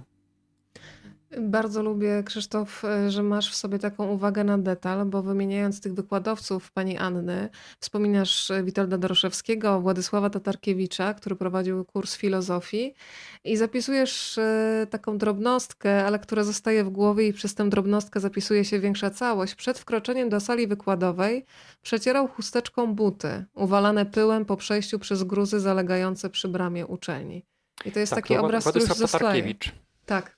Władysław Tatarkiewicz. E, tak, on, on dla nich prowadził taki podstawowy kurs e, filozofii dla anglistów, a warto o nim wspomnieć również e, w historii przekładu i powojennej literatury, ponieważ Władysław Tatarkiewicz e, został około 50 roku odsunięty od prowadzenia zajęć na uczelni wówczas e, jego sytuacja finansowa nie była tak dramatyczna, jak sobie to pierwotnie wyobrażałem. E, trochę o tym można wyczytać w e, dziennikach Tatarkiewicza niedawno wydanych. Otóż on wtedy, żeby mm, zrekompensować sobie utraconą pensję uniwersytecką, najął się do tłumaczenia na nowo Czarodziejskiej Góry Mana. E, I tylko, że przez lata drugi tom, bo Czarodziejska Góra ukazała się w latach 30. po polsku w przekładzie dwóch bodajże, a może trzech tłumaczy i e, kiedy e, wydawnictwo Czytelnik postanowiło Czarodziejską Górę wznowić po, e, po wojnie, to uznano, że mm, przekład pierwszego tomu autorstwa Józefa Kramsztyka jest całkiem w porządku, że tam należy parę rzeczy poprawić, natomiast że ten drugi e, domaga się tłumaczenia od nowa.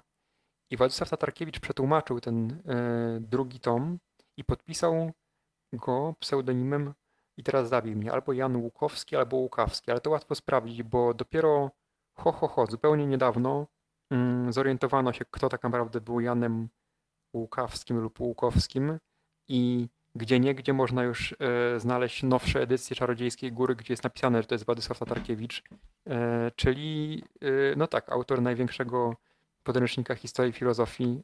Jeżeli ktoś był na studiach humanistycznych, to pewnie się z nim zetknął. Ja przynajmniej się zetknąłem, chociaż naprawdę niewiele wiem o filozofii. Słuchaj, to jeszcze bym chciała, żebyś powiedział trochę o pani Annie, jako też o takiej osobie, bardzo zaangażowany, jeżeli chodzi o zabieranie głosu w przestrzeni społecznej, kiedy trzeba obronić kogoś, kto tej obrony mm, potrzebuje. E, od razu powiedzmy, że jest honorową obywatelką Warszawy e, i nieraz nie dwa wyrażała swój sprzeciw. W jakich e, kwestiach? Bo ty pokazujesz, że w zasadzie, kiedy ona wraca do swoich doświadczeń powstańczych, to nie po to, żeby jakoś e, to wspominać, żeby, żeby, żeby, celebrować, żeby to była jakaś martyro, martyrologia, tylko żeby wykorzystać swoje doświadczenia, umocować swoją wiedzę i swoje doświadczenia, żeby ludzie po prostu po latach wyciągali z nich wnioski, bo ona wie, co, co znaczy wykluczenie, co znaczy e, spychanie ludzi spoza granicy, co znaczy zagrożenie życia. Powiedz, w jakich sprawach się wypowiadała głośno i wyraźnie? Och, bardzo wielu i to też e, pokazuje, jak wiele różnych osób jest w niej naraz. To znaczy, że jest osoba, która potrafi się zaszyć w pokoju i, i tłumaczyć książkę, a zarazem nie odwraca się od, e, od świata i nie i potrafi wziąć e, na siebie jakąś cząstkę odpowiedzialności za życie publiczne. Nie od dzisiaj, bo, bo ona takie kroki podejmowała ho, ho. również w tak zwanej minionej epoce. Natomiast e, pytasz o, e, jak rozumiem, o rzeczy najnowsze. Mm, tak. Długo by wymieniać. Ona często występuje w duecie z inną mm, osobą, która e, przeżyła powstanie warszawskie z panią Wandą Traczyk-Stawską, pseudonim Pączek. I teraz sobie układam w głowie te kolejne interwencje pani Anny. Pamiętam, chyba pierwszy raz e, ją skojarzyłem, kiedy był w 2017 protest młodych lekarzy rezydentów. Ona ich odwiedziła wtedy mm, tam, gdzie prowadzili strajki, przekazała im e, swoją mm, opaskę powstańczą w wyrazie solidarności.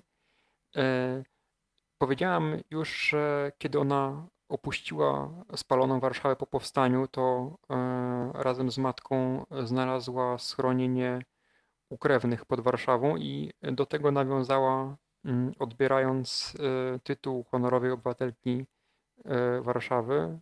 Było to w czasach e, kryzysu uchodźczego, czy też nie tyle w czasach kryzysu uchodźczego, tylko w momencie, kiedy ten kryzys uzyskał taki rozgłos medialny i była ta pierwsza fala paniki no, co tu dużo mówić, nienawiści w stosunku do uchodźców. Ona bardzo zdecydowanie się e, wypowiedziała wówczas, mówiąc, że po powstaniu wszyscy byliśmy uchodźcami, nieśliśmy wszystkie możliwe mm, e, choroby, ponieważ wychodziliśmy z tego powstania brudni, zawszeni, nieumyci, no bo niby skąd było wziąć wodę. I również po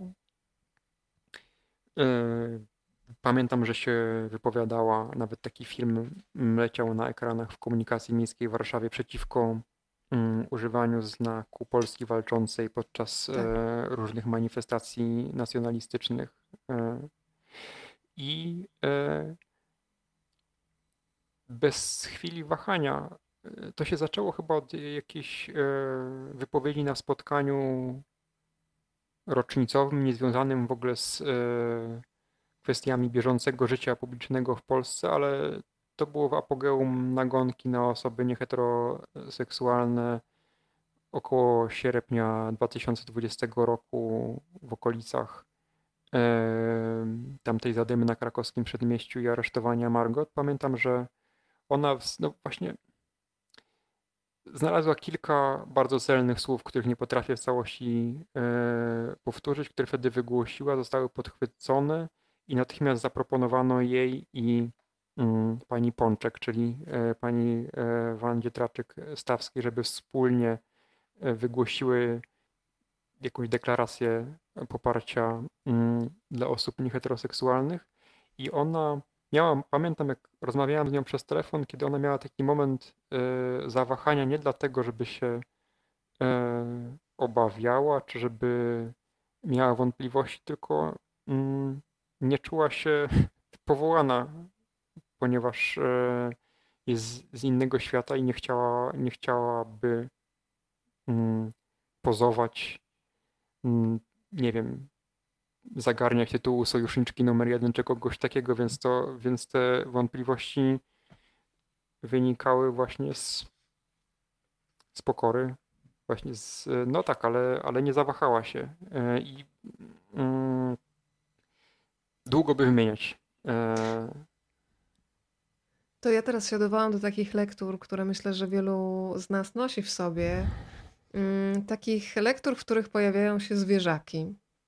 E, Lessi, Biały Kieł i jakoś w głowie mi się otwiera Krzysztof, aż coś spadło. Nie, nie, oglądałem się, ale ostatnio przed, przełożyłem literaturę dziecięcą na inny regał, bo myślałem, że wyciągnę białego kła natychmiast, ale on stoi tam, już nie sięgnę. Zmienił swoje umiejscowienie. Ale wiesz, co mnie urzekło, że ty, kiedy przychodzisz, to też dajesz czytelnikowi taki wgląd w codzienność e, swoich bohaterek, no bo siłą rzeczy jesteś czujnym obserwatorem i pokazujesz e, to na przykład, jakie jest podejście pani Anny do takich gości, którzy nagle gdzieś przylatują do niej. Powiedz trochę o tym, bo ja uważam, że nasze podejście do zwierząt czasami mówi o nas dużo więcej niż to, jak się zachowujemy, nakładając jakieś maski w stosunku do ludzi. Zresztą najbardziej lubię to, co się pojawia w ogóle w głosie człowieka, który mówi coś z czułością do psa. Nawet nie ma świadomości, że takich tonów no, nie jest w stanie wygenerować, kiedy mówi nawet do drugiego człowieka, którego darzy uczuciem. Ja na to mhm. mam bardzo wrażliwe ucho. Hmm.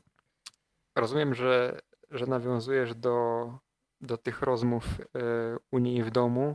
Tak okna pokoju, w którym rozmawialiśmy, okna balkonowe, wysokie, wychodzą na ogród e, i tam jest e, karmniczek i ona podsypuje pokarm e, sikorką i przepraszam, jakoś zaciąłem się, nie wiem co o tym powiedzieć. No, karmi ptaszki i lubi patrzeć, jak one do niej przylatują. To mm, może tym bardziej mnie ujęło. No, Zresztą jak to się nie, to jest dosyć, e, Boże, oczywiste, no, wzruszać się e, starszą panią, która karmi ptaszki. Ale to nie jest to niestety tak, że... oczywiste, Krzysztof. Wiesz, bardzo bym chciała, żeby to było oczywiste dla wszystkich, także tutaj nie szczęćmy sobie wzruszeń, kiedy można, naprawdę. Ja mam taką panią, którą uwielbiam sobie obserwować. Zawsze przychodzi w ogóle wygląda, jak się wkomponowuje w taki obraz i zawsze ma coś dla tych gołębi tutaj osiedlowych i zawsze siedzi z nimi rozmawia.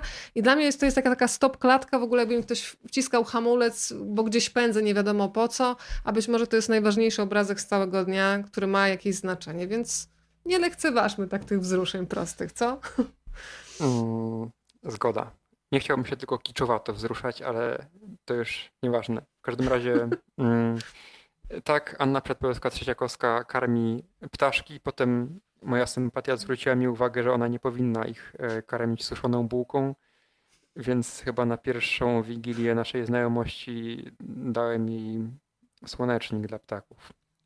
Jacek Karczewski byłby zachwycony, będziemy z nim rozmawiać o książce Zobacz Ptaka. Wczoraj na ten temat czytałam, że faktycznie Bułka, chleb to nie jest najlepszy pomysł, jeżeli chodzi o ptaki. Państwo też niech z tego już wyciągną tutaj wiedzę przy okazji. Będziemy kontynuować te wątki ornitologiczne później. Natomiast teraz bym chciała trochę wskrzesić takiej radości dziecka. E, bardzo lubię ten fragment, kiedy mm, wspominasz, kiedy miałeś 6 lat. E, mama ci czytała Hobbita.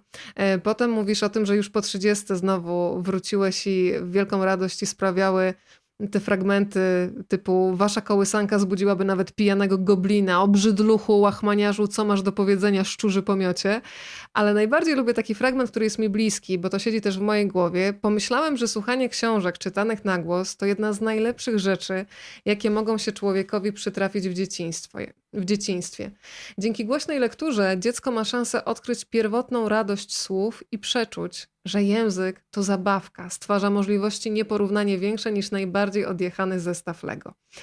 E, I fragment, który uwielbiam, e, te wspomnienia przyszły w porę, bo właśnie miałem tłumaczyć francuski komiks Wielki Zły Lis. Poczułem brzemię odpowiedzialności. Czy zdołam dać jakiemuś dziecku frajdę podobną do tej, która była kiedyś moim udziałem? Czy ktoś będzie skakać po łóżku, wywrzaskując do upojenia śmieszne zdanie? Sprawdzałem rytmy i polerowałem obelgi.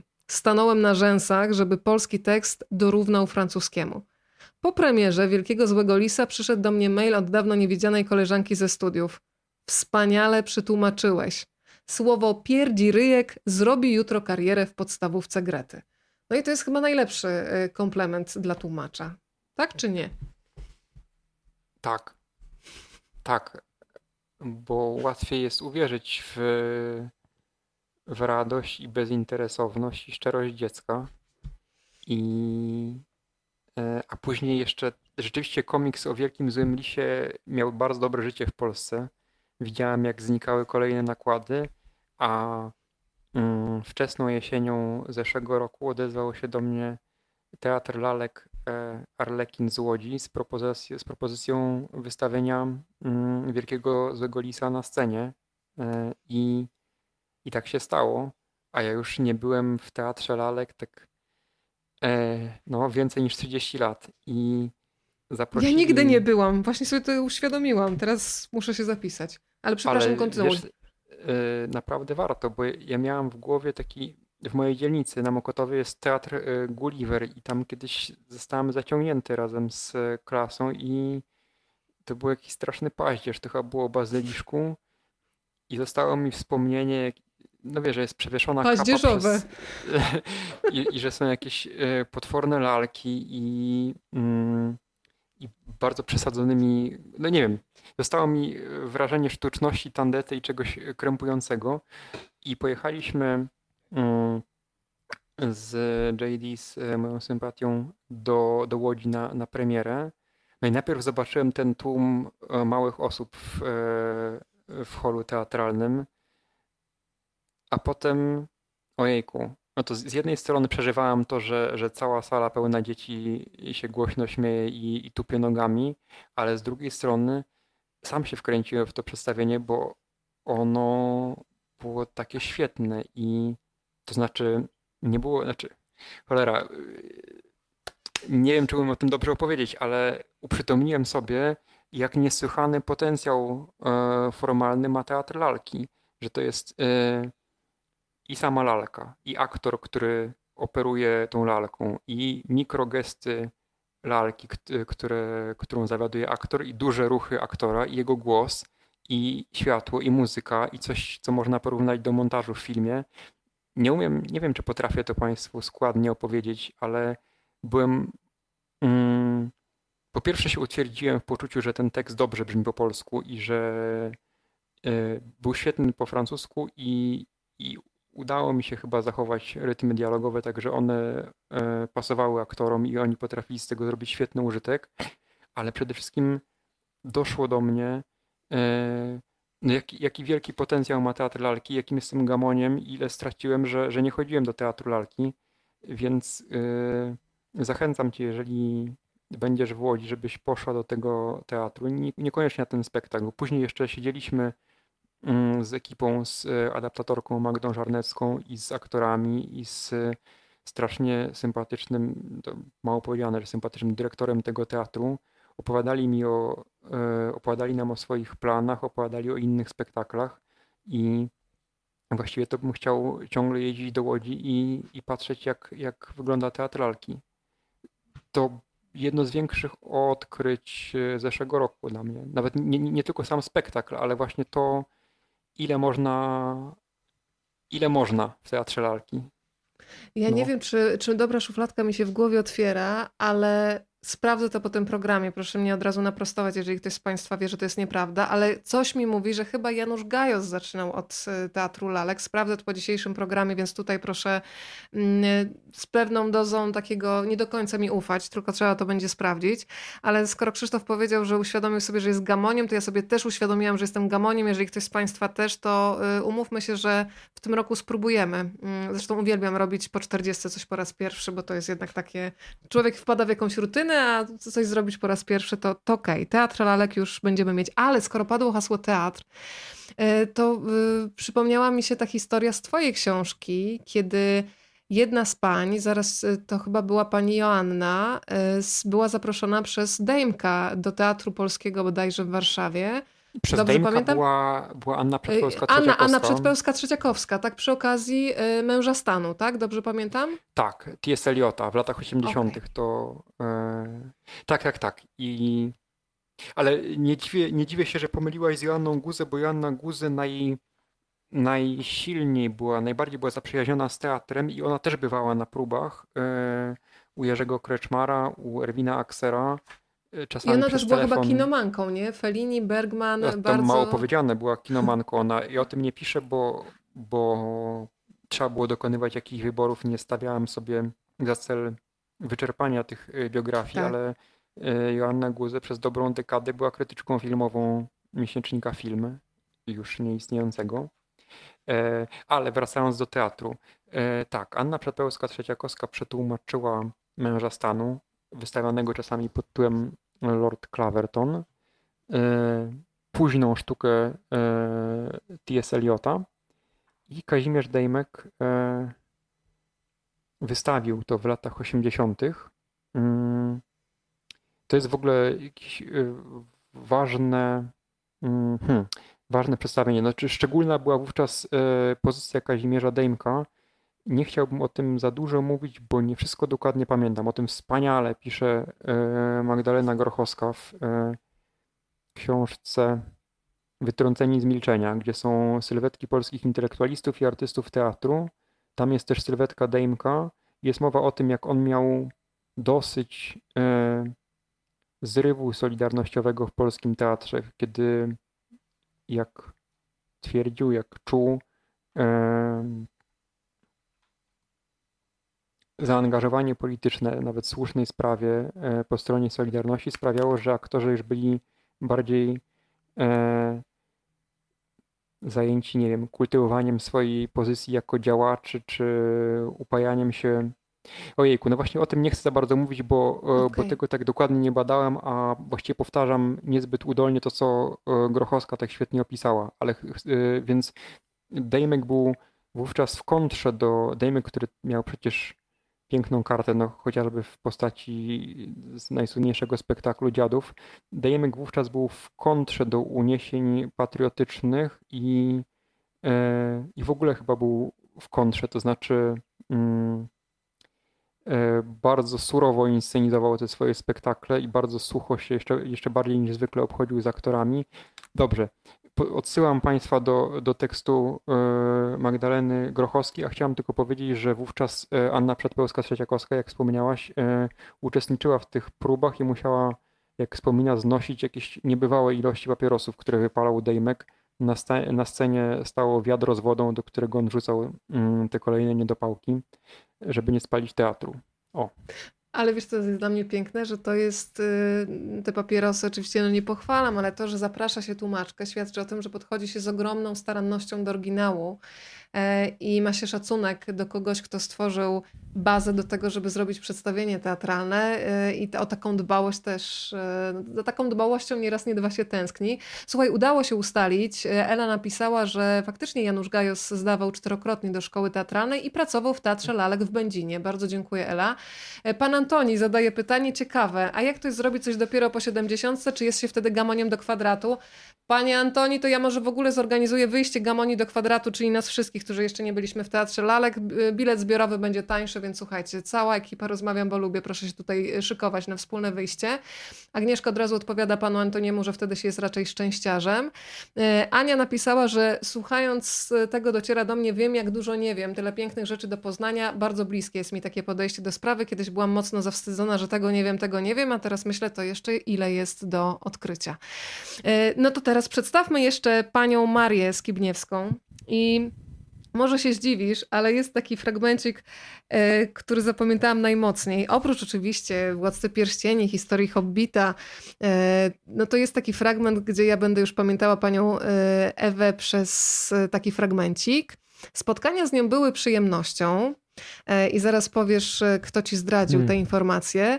Miała taki zalotny numer, że jak jej się podawało futerko czy płaszcz, to ona wskakiwała w rękawy do przodu i się przytulała do podającego palto. Dobry pomysł, zabawny, z czasów młodości niewątpliwie podrzucam Państwu. Mogą Państwo mieć teraz taki swój numer pokazowy, no ściągnięty z y, pani y, Marii Skibniewskiej. No więc już pokazuję zdjęcie, żeby Państwo mogli zobaczyć bohaterkę, o której teraz rozmawiamy. A ja poproszę Krzysztofa o y, źródło informacji, czyli kogoś, kto zdradził, że właśnie pani Maria miała taki, a nie inny numer popisowy. Ach, e, Lech Jęczmyk, tłumacz e, rzeźni numer 5 Foneguta i paragrafu 22 Hellera między innymi. I wahałem się, czy to zamieścić w książce, ponieważ mm,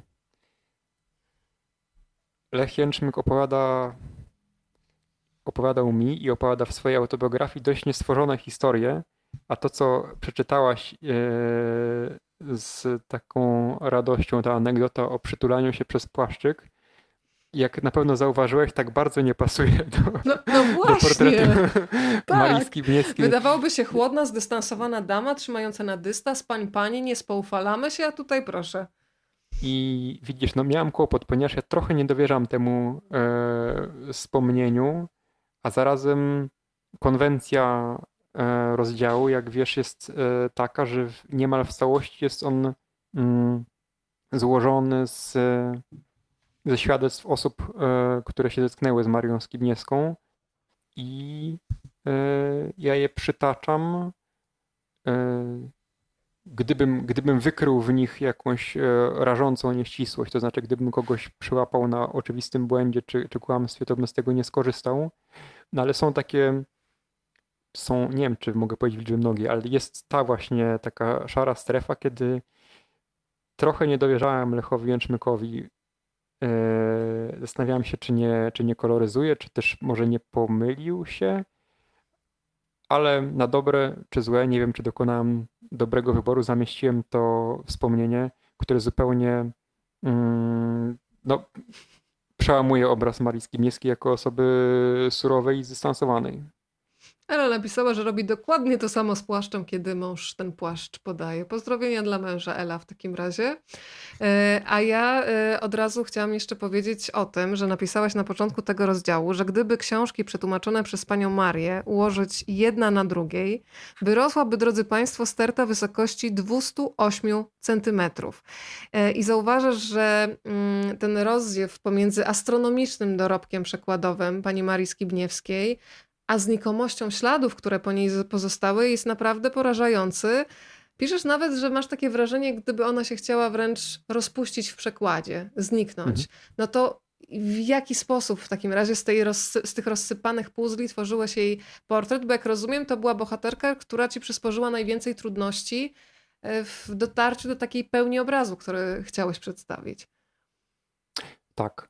Była z nich najstarsza, co jest istotne, ponieważ e, ona się urodziła w 1904 roku, czyli już zdążyła zacząć dorosłe życie przed wojną i wojna jej to życie zdruzgotała. A niedługo po wojnie zmarł jej ukochany mąż i została zupełnie sama.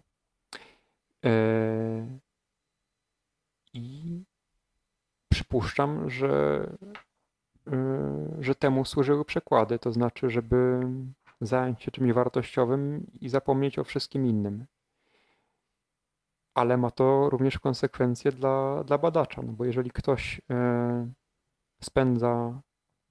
No właśnie, gdyby ona spędzała całe dnie i noce tłumacząc, to ciemna mogiła, to bym się nic nie dowiedział. Ale na szczęście ona miała pracę przez jeszcze przez 20 lat prawie pracowała jako mm, kierownik, jak wówczas mówiono, redakcji romańskiej w e, czytelniku, w związku z czym siedziała w pokoju z trzema, czterema innymi redaktorkami, e, czytała książki, mm, redagowała przekłady i stąd e, część świadectw na jej temat. A potem po skończonej pracy w czytelniku wsiadała w tramwaj czy autobus z placu Trzech Krzyży Wiejskiej, jechała na Saską Kępę i pogrążała się w tłumaczeniu. I miałam to ogromne szczęście, że mm, najpierw trafiłem na panią Emilię Bieliską, y, która jest germanistką y, i y, najpierw była pracownicą redakcji germańskiej w e, czytelniku, a później szefową tejże redakcji. Ona mm, trafiła do czytelnika mniej więcej w tym samym czasie, co pani Anna Trzeciakowska. Jest nieomal jej rówieśniczką. Zaczęła pracę w czytelniku w 50 roku, a wówczas e, redakcja germańska i romańska, czyli tam, gdzie była Maria Skibniewska, mieściły się w jednym pokoju. I one się trochę zaznajomiły, miały ze sobą kontakt, a przede wszystkim pani Emilia Bieliska dała mi bezcenny kontakt na e, syna, przepraszam, nie syna, wnuka, przyjaciółki Marii Skibniewskiej, który, kiedy studiował w Warszawie na początku lat 70., zamieszkał na poddaszu Marii Skibniewskiej. Więc kiedy wracał e, on albo jego siostra e, po szkole albo wieczorami po jakimś wyjściu, to widział ją przez uchylone drzwi, jak siedzi zgarbiona przy biurku i mm, pochyla się teraz bardziej nad kartką albo nad książką, którą tłumaczy, bo traciła wzrok, więc musiała z bardzo bliska patrzeć na, na tekst. I jak siedzi do późna w nocy przy małej lampce z włączonym radiem i tłumaczy słuchając muzyki. I on jest e, ten właśnie człowiek, wówczas e, student Politechniki, jest dostarczycielem zupełnie unikatowego świadectwa na temat Marii Skibniewskiej. Marii Skibniewskiej widzianej z perspektywy domu. Mam straszne szczęście, że, że na niego trafiłem. Wszystkiego dzisiaj Państwu rzecz jasna nie e, zdradzimy, ale podsycamy, mam nadzieję, skutecznie apetyt na lekturę. To powiedzmy, jak w jej życiu pojawił się Hobbit, Władca Pierścieni. Ja przyznaję, że słuchaj, bardzo mnie zaskoczyło, ale też ucieszyło że czytelnikiem Władcy Pierścieni był na przykład Czesław Miłosz. Pisze, że takim, o takiej jego wszystkożernej ciekawości. Ostatnio o Miłoszu też rozmawialiśmy z Jerzym Ilgiem e, i też e, pokazał go z kompletnie innej strony, bo kojarzy nam się właśnie z takim statecznym, poważnym e, panem, bardzo właśnie takim korekt, a, mm, a też w tej opowieści się jawił w inny sposób. Powiedz trochę o tym Władcy Pierścieni i, i co Miłosz myślał na temat tej książki w tłumaczeniu pani, e, pani Marii. Nie, nie w tłumaczeniu Marii Skibniewskiej, ponieważ nie, nie, przepraszam, tak. Miłosz, mhm. Zagalopowałam Miłosz, się. Miłosz w czasach, kiedy hmm, Władca Pierścieni w Anglii się ukazał w połowie lat 50., nie pamiętam dokładnych dat, i jakiś czas potem mm, trafił za ocean do, do Stanów. Mhm. A wówczas już e, Czesław Miłosz wykładał literatury słowiańskie e, na Uniwersytecie w Berkeley. E, I tam jego hipisujący studenci nałogowo czytali Władcę Pierścieni. Nawet zdaje się Miłosz był zdania, że jest to jedyna książka, którą czytają, a on, tak jak mówisz, chociaż miał świadomość, świadomość jak świadomość, ale był przekonany o istnieniu mm, hierarchii w e, świecie e, literatury, to nie odwracał się od e, literatury popularnej, był jej czytelnikiem, więc przeczytał też Władcę Pierścieni. Tak jak, no nie wiem, on wcześniej trochę,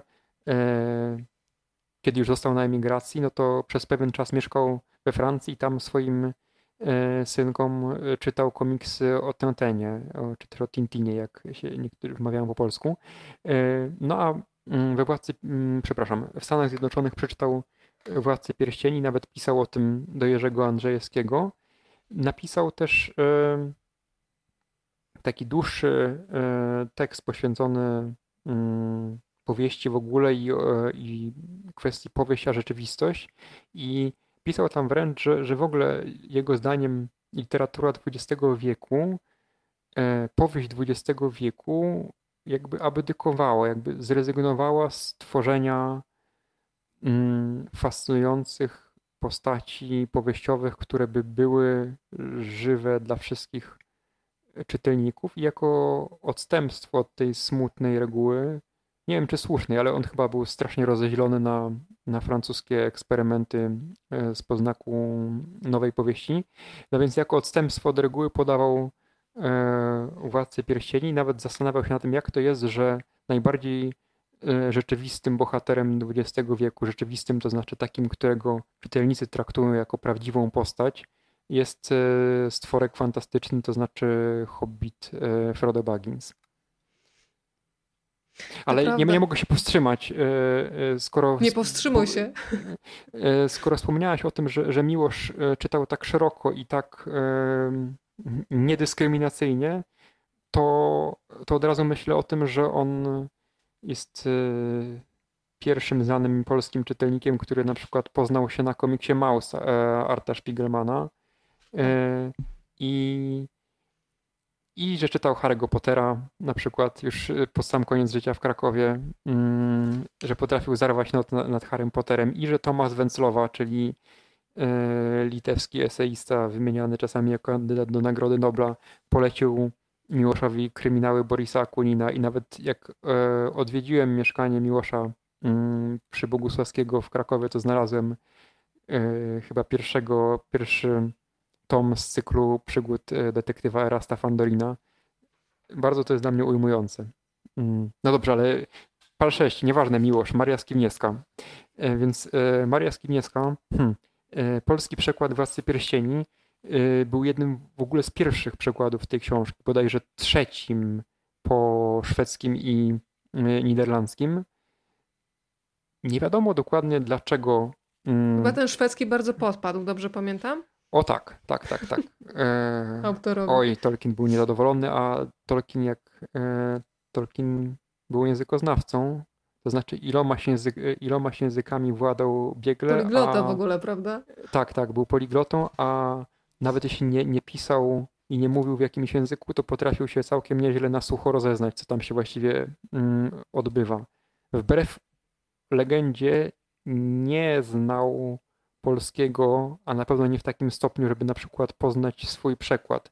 Jeden z jego polskich przyjaciół, który się w tej książce, w trzech tłumaczkach pojawia, podarował mu jakieś bardzo eleganckie mm, wydanie pana Tadeusza i Tolkien ciągle sobie obiecywał, że usiądzie i przeczyta pana Tadeusza po polsku, to znaczy, że na tyle się rozezna w e, języku polskim, żeby czytać pana Tadeusza, ale to się nie zdarzyło, ale ciągle gadam o jakichś facetach, znaczy nie o jakichś, tylko bardzo ważnych, ale nie mówię o Marii Skibniewskiej. Otóż e, to właśnie jej powierzono mm, tłumaczenie Władcy Pierścieni.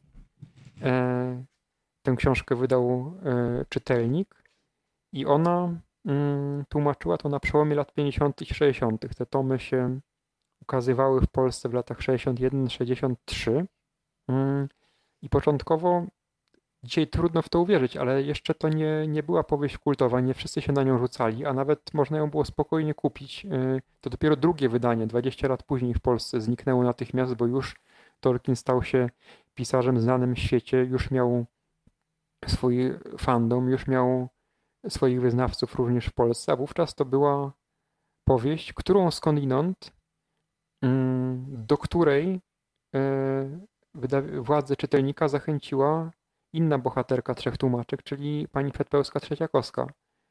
Ona, kiedy ją o to zagadnąłem, znaczy ja nie, w ogóle nie wiedziałem, że, że odegrała w tym jakąś rolę, tylko ją pytałem, czy coś pamięta i ona powiedziała tak, tak. Ja pamiętam, że namawiałam Stewczyka, żeby to wydał. Stewczyk, Jan Stewczyk jest szerzej znany jako Władysław Kopaliński, autor e, wspaniałych słowników. A przed laty e, prezes, jeśli dobrze pamiętam, albo redaktor naczelny czytelnika, bo zawsze mylę te, te funkcje. Dobrze, ale zaraz się zaplączę. Chodzi mi o to, że ona pamiętała, że kogoś namawiała do wydania Władcy Pierścieni, a potem dopuściła mnie do swoich papierów. No ja przerzucam jakieś umowy, jakieś szkice do wystąpień, zżółkłe, wyblakłe, ledwo czytelne maszynopisy i dochodzę do pliku recenzji wewnętrznych, czyli takich krótkich omówień książki, które wydawca zamawiał kogoś zaufanego, zanim zdecyduje się książkę wydać albo odrzucić, żeby ktoś zaufany przeczytał ją w całości i ocenił. No i nagle widzę, że mam przed sobą recenzję wewnętrzną Władcy Pierścieni, yy, napisaną przez Annę Przedpełską Trzeciakowską, w której bardzo, bardzo solidną, z bardzo solidnym streszczeniem na pięciu stronach maszynopisu tym śmieszniejszą dla, dla fanów powieści, że tam e, imiona postaci, e, czy różne nazwy własne z tego świata są tłumaczone roboczo, mają zupełnie inne mm, brzmienie niż w wersji ostatecznej. Więc Anna Przedpełska-Trzeciakowska była jedną z osób, które zasłużyły się do, e, dla obecności Władcy Pierścieni w Polsce, a później on trafił do Marii Skibniewskiej, w dość szczególnym momencie jej życia, ponieważ mm, umowę na przykład zawarto chwilę po tym, jak zmarł jej mąż. I ona, jak przypuszczam, e, do tłumaczenia mm, Władcy Pierścieni przystąpiła w świeżej żałobie. Tak, to jest też coś, o czym bardzo rzadko myślimy, jak bardzo też yy aktualna sytuacja prywatna tłumacza wpływa na to, jakie tony się pojawiają w książce, e, ale też myślę, że mm, dla wielu, i to o tym mówi wielu twórców, praca jest też takim ratunkiem, jakimś rodzajem ucieczki, kiedy e, użyję tego sformułowania, fokusujesz swoje myśli na czymś innym, uciekasz w jakiś świat, który daje ci ukojenie. Szczególnie, że akurat w tym tekście no, mogły być takie fragmenty, takie rozdziały, które niosły pocieszenie przecież w taki symboliczny, metaforyczny sposób. Tak, w ogóle myślę o Władcy Pierścieni, że to jest lektura kojąca i pamiętam na jakąś, nie, to nie było na rocznicę, to było w czasach, kiedy film Petera Jacksona trafiał do kin i był jakiś numer specjalny Tygodnika Powszechnego, częściowo poświęcony Władcy Pierścieni, gdzie różni polscy intelektualiści wypowiadali się nawet po kilka zdań i Joanna Tokarska-Bakir, antropolożka e, kultury, właśnie porównywała Władcę Pierścieni do, takiego, do tego, co taternicy nazywają zestawem ratunkowym.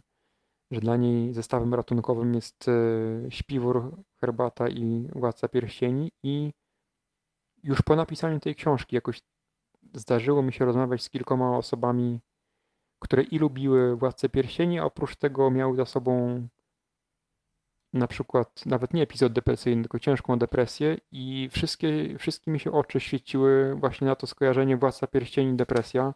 Jakby było w tej książce coś e, kojącego właśnie. To jest ta niezwykła wspólnota doświadczeń i to miałam na myśli, kiedy mówiłam o tym, że czasami mamy szansę spotkać się z ludźmi, z którymi się gdzieś minęliśmy w czasie, ale ta wrażliwość no, to jest coś, co unieważnia takie niszczące działanie czasu bo jednak spotykają się te wrażliwości.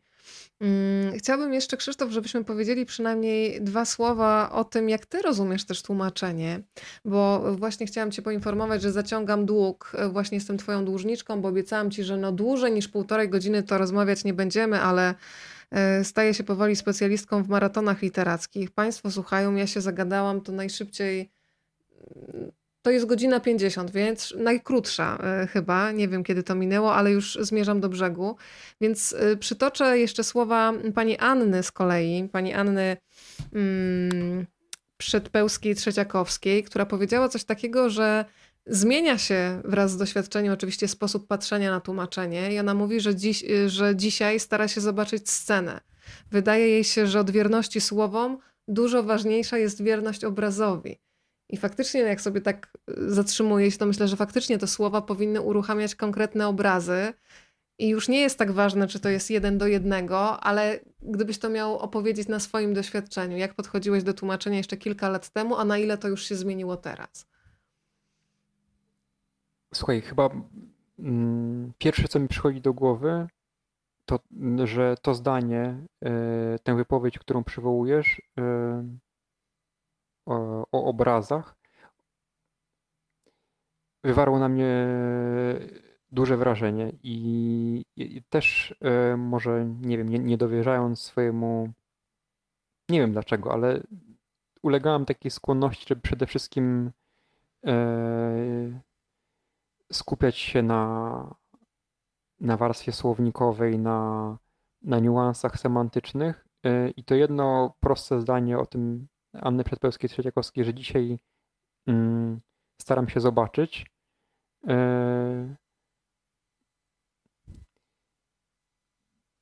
wpłynęło na mnie. To znaczy, e, właściwie teraz ilekroć e, tłumaczę, to zadaję sobie oprócz tego, że, że oczywiście dbam o wierność semantyczną, o to, żeby słowo polskie jak, naj, jak najbliższe było słowu angielskiemu, ja też dużo myślę o rytmach, to znaczy ile sylab ma zdań, nawet jeżeli jest napisane prozą y, i jak się rozkładają akcenty, y, ale dla mnie to, co ona powiedziała o obrazie, zresztą przywołując przykład pierwszego zdania Wściekłości i Wrzasku, gdzie ileż ona myślała o tym, jak wyglądają te splątane łodygi, suche łodygi, badyle jakimi słowami oddać y, ten pierwszy obraz, który z którym się stykamy we wściekłości i wrzasku, kiedy widzimy z zewnątrz posiadłość rodziny Compsonów. Więc dla mnie to było odkrycie. I to jest na przykład jedna z rzeczy, które w sensie ściśle warsztatowym zawdzięczam pracy nad książką, a konkretnie spotkaniu z e, panią Anną. No, a dłużej o tym mówić to już byłoby to strasznie fachowe i nie wiem, czy ciekawe. Krzysztof, to na, na finał, ponieważ traktujemy te spotkania jako taką wieczorną wymianę myśli, to podziel się, co aktualnie czytasz dla czystej przyjemności, co czytasz zawodowo, żeby przetłumaczyć i czy masz jakiegoś takiego autora, mm, gdybyśmy potraktowali ten wieczór jako wieczór marzeń, dla którego chciałbyś znaleźć jakiś dobry dom w postaci wydawnictwa, tak żeby trafił do polskich czytelników, e, do którego jeszcze rynek w Polsce się na przykład nie przekonał, a ty wiesz, że to jest ta perełka odkopana. Zczytuję przekład e, esejów George'a Saundersa o literaturze rosyjskiej. To jest szczególna książka, bo tam są eseje e, Saundersa, który w Polsce jest znany jako autor opowiadań i autor powieści Lincoln w Bardo. Mm, a to są jego opowieści o Czechowie, Turgieniewie, Gogolu i Tołstoju. I szczególne w tej książce jest to, że oprócz tekstów e, Saundersa są w nią włączone w całości wybrane opowiadania tych pisarzy. Więc nad tym siedzę. To jest praca, ale jestem jej oddany całkowicie, bo bardzo podziwiam Saundersa. Dzięki niemu lepiej poznałem, znaczy dużo powiedzieć, że poznałem, ale och, warto było i przyjemnie było odkrywać e, na nowo albo nie na nowo Tolstoja, Czechowa i pozostałych w towarzystwie Saundersa. To jest robota. Przyjaciel przysłał mi zbiór opowiadań e, Roberto Bolaño, rozmowy telefoniczne w przekładzie Tomasza Pindla i to czytam, bo przyszło, bo, bo jest od przyjaciela i czytam i się nad tym zastanawiam. E, chwilę przed naszym spotkaniem przeglądałem, chyba nie przeczytam teraz tej książki w całości, ale E, punkt zwrotny e, to są częściowo wspomnienia, częściowo dzienniki Klausa Mana, czyli syna Tomasza Mana z czasów emigracji, z czasów, kiedy już opuścił III Rzeszę i najpierw mieszkał w różnych państwach w Europie, a potem w Stanach Zjednoczonych.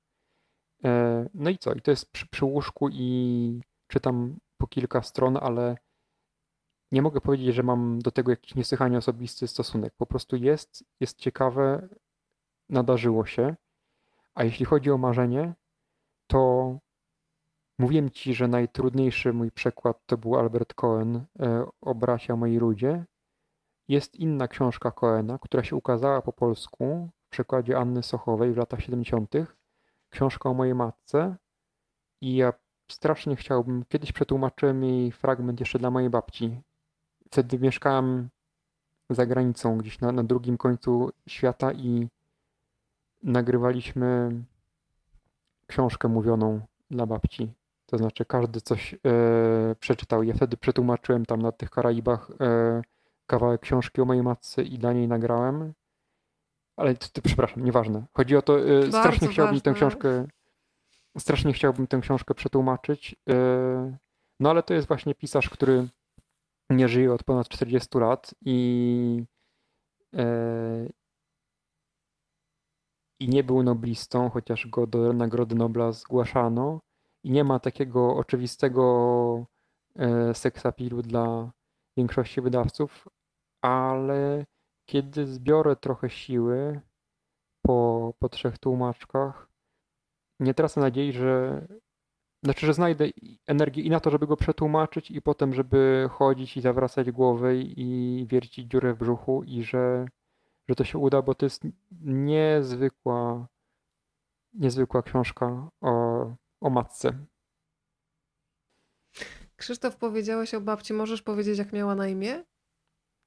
Miała na imię Anna i znała się z Anną Przedpełską Trzeciakowską, ponieważ, e, no właśnie, to jest kwestia e, społecznych e, zaangażowań mm, pani Anny one obie były w Komitecie Pomocy Internowanym w stanie wojennym. Moja babcia była lekarką, jeździła do obozów internowania i do więzień, żeby, żeby leczyć osadzonych.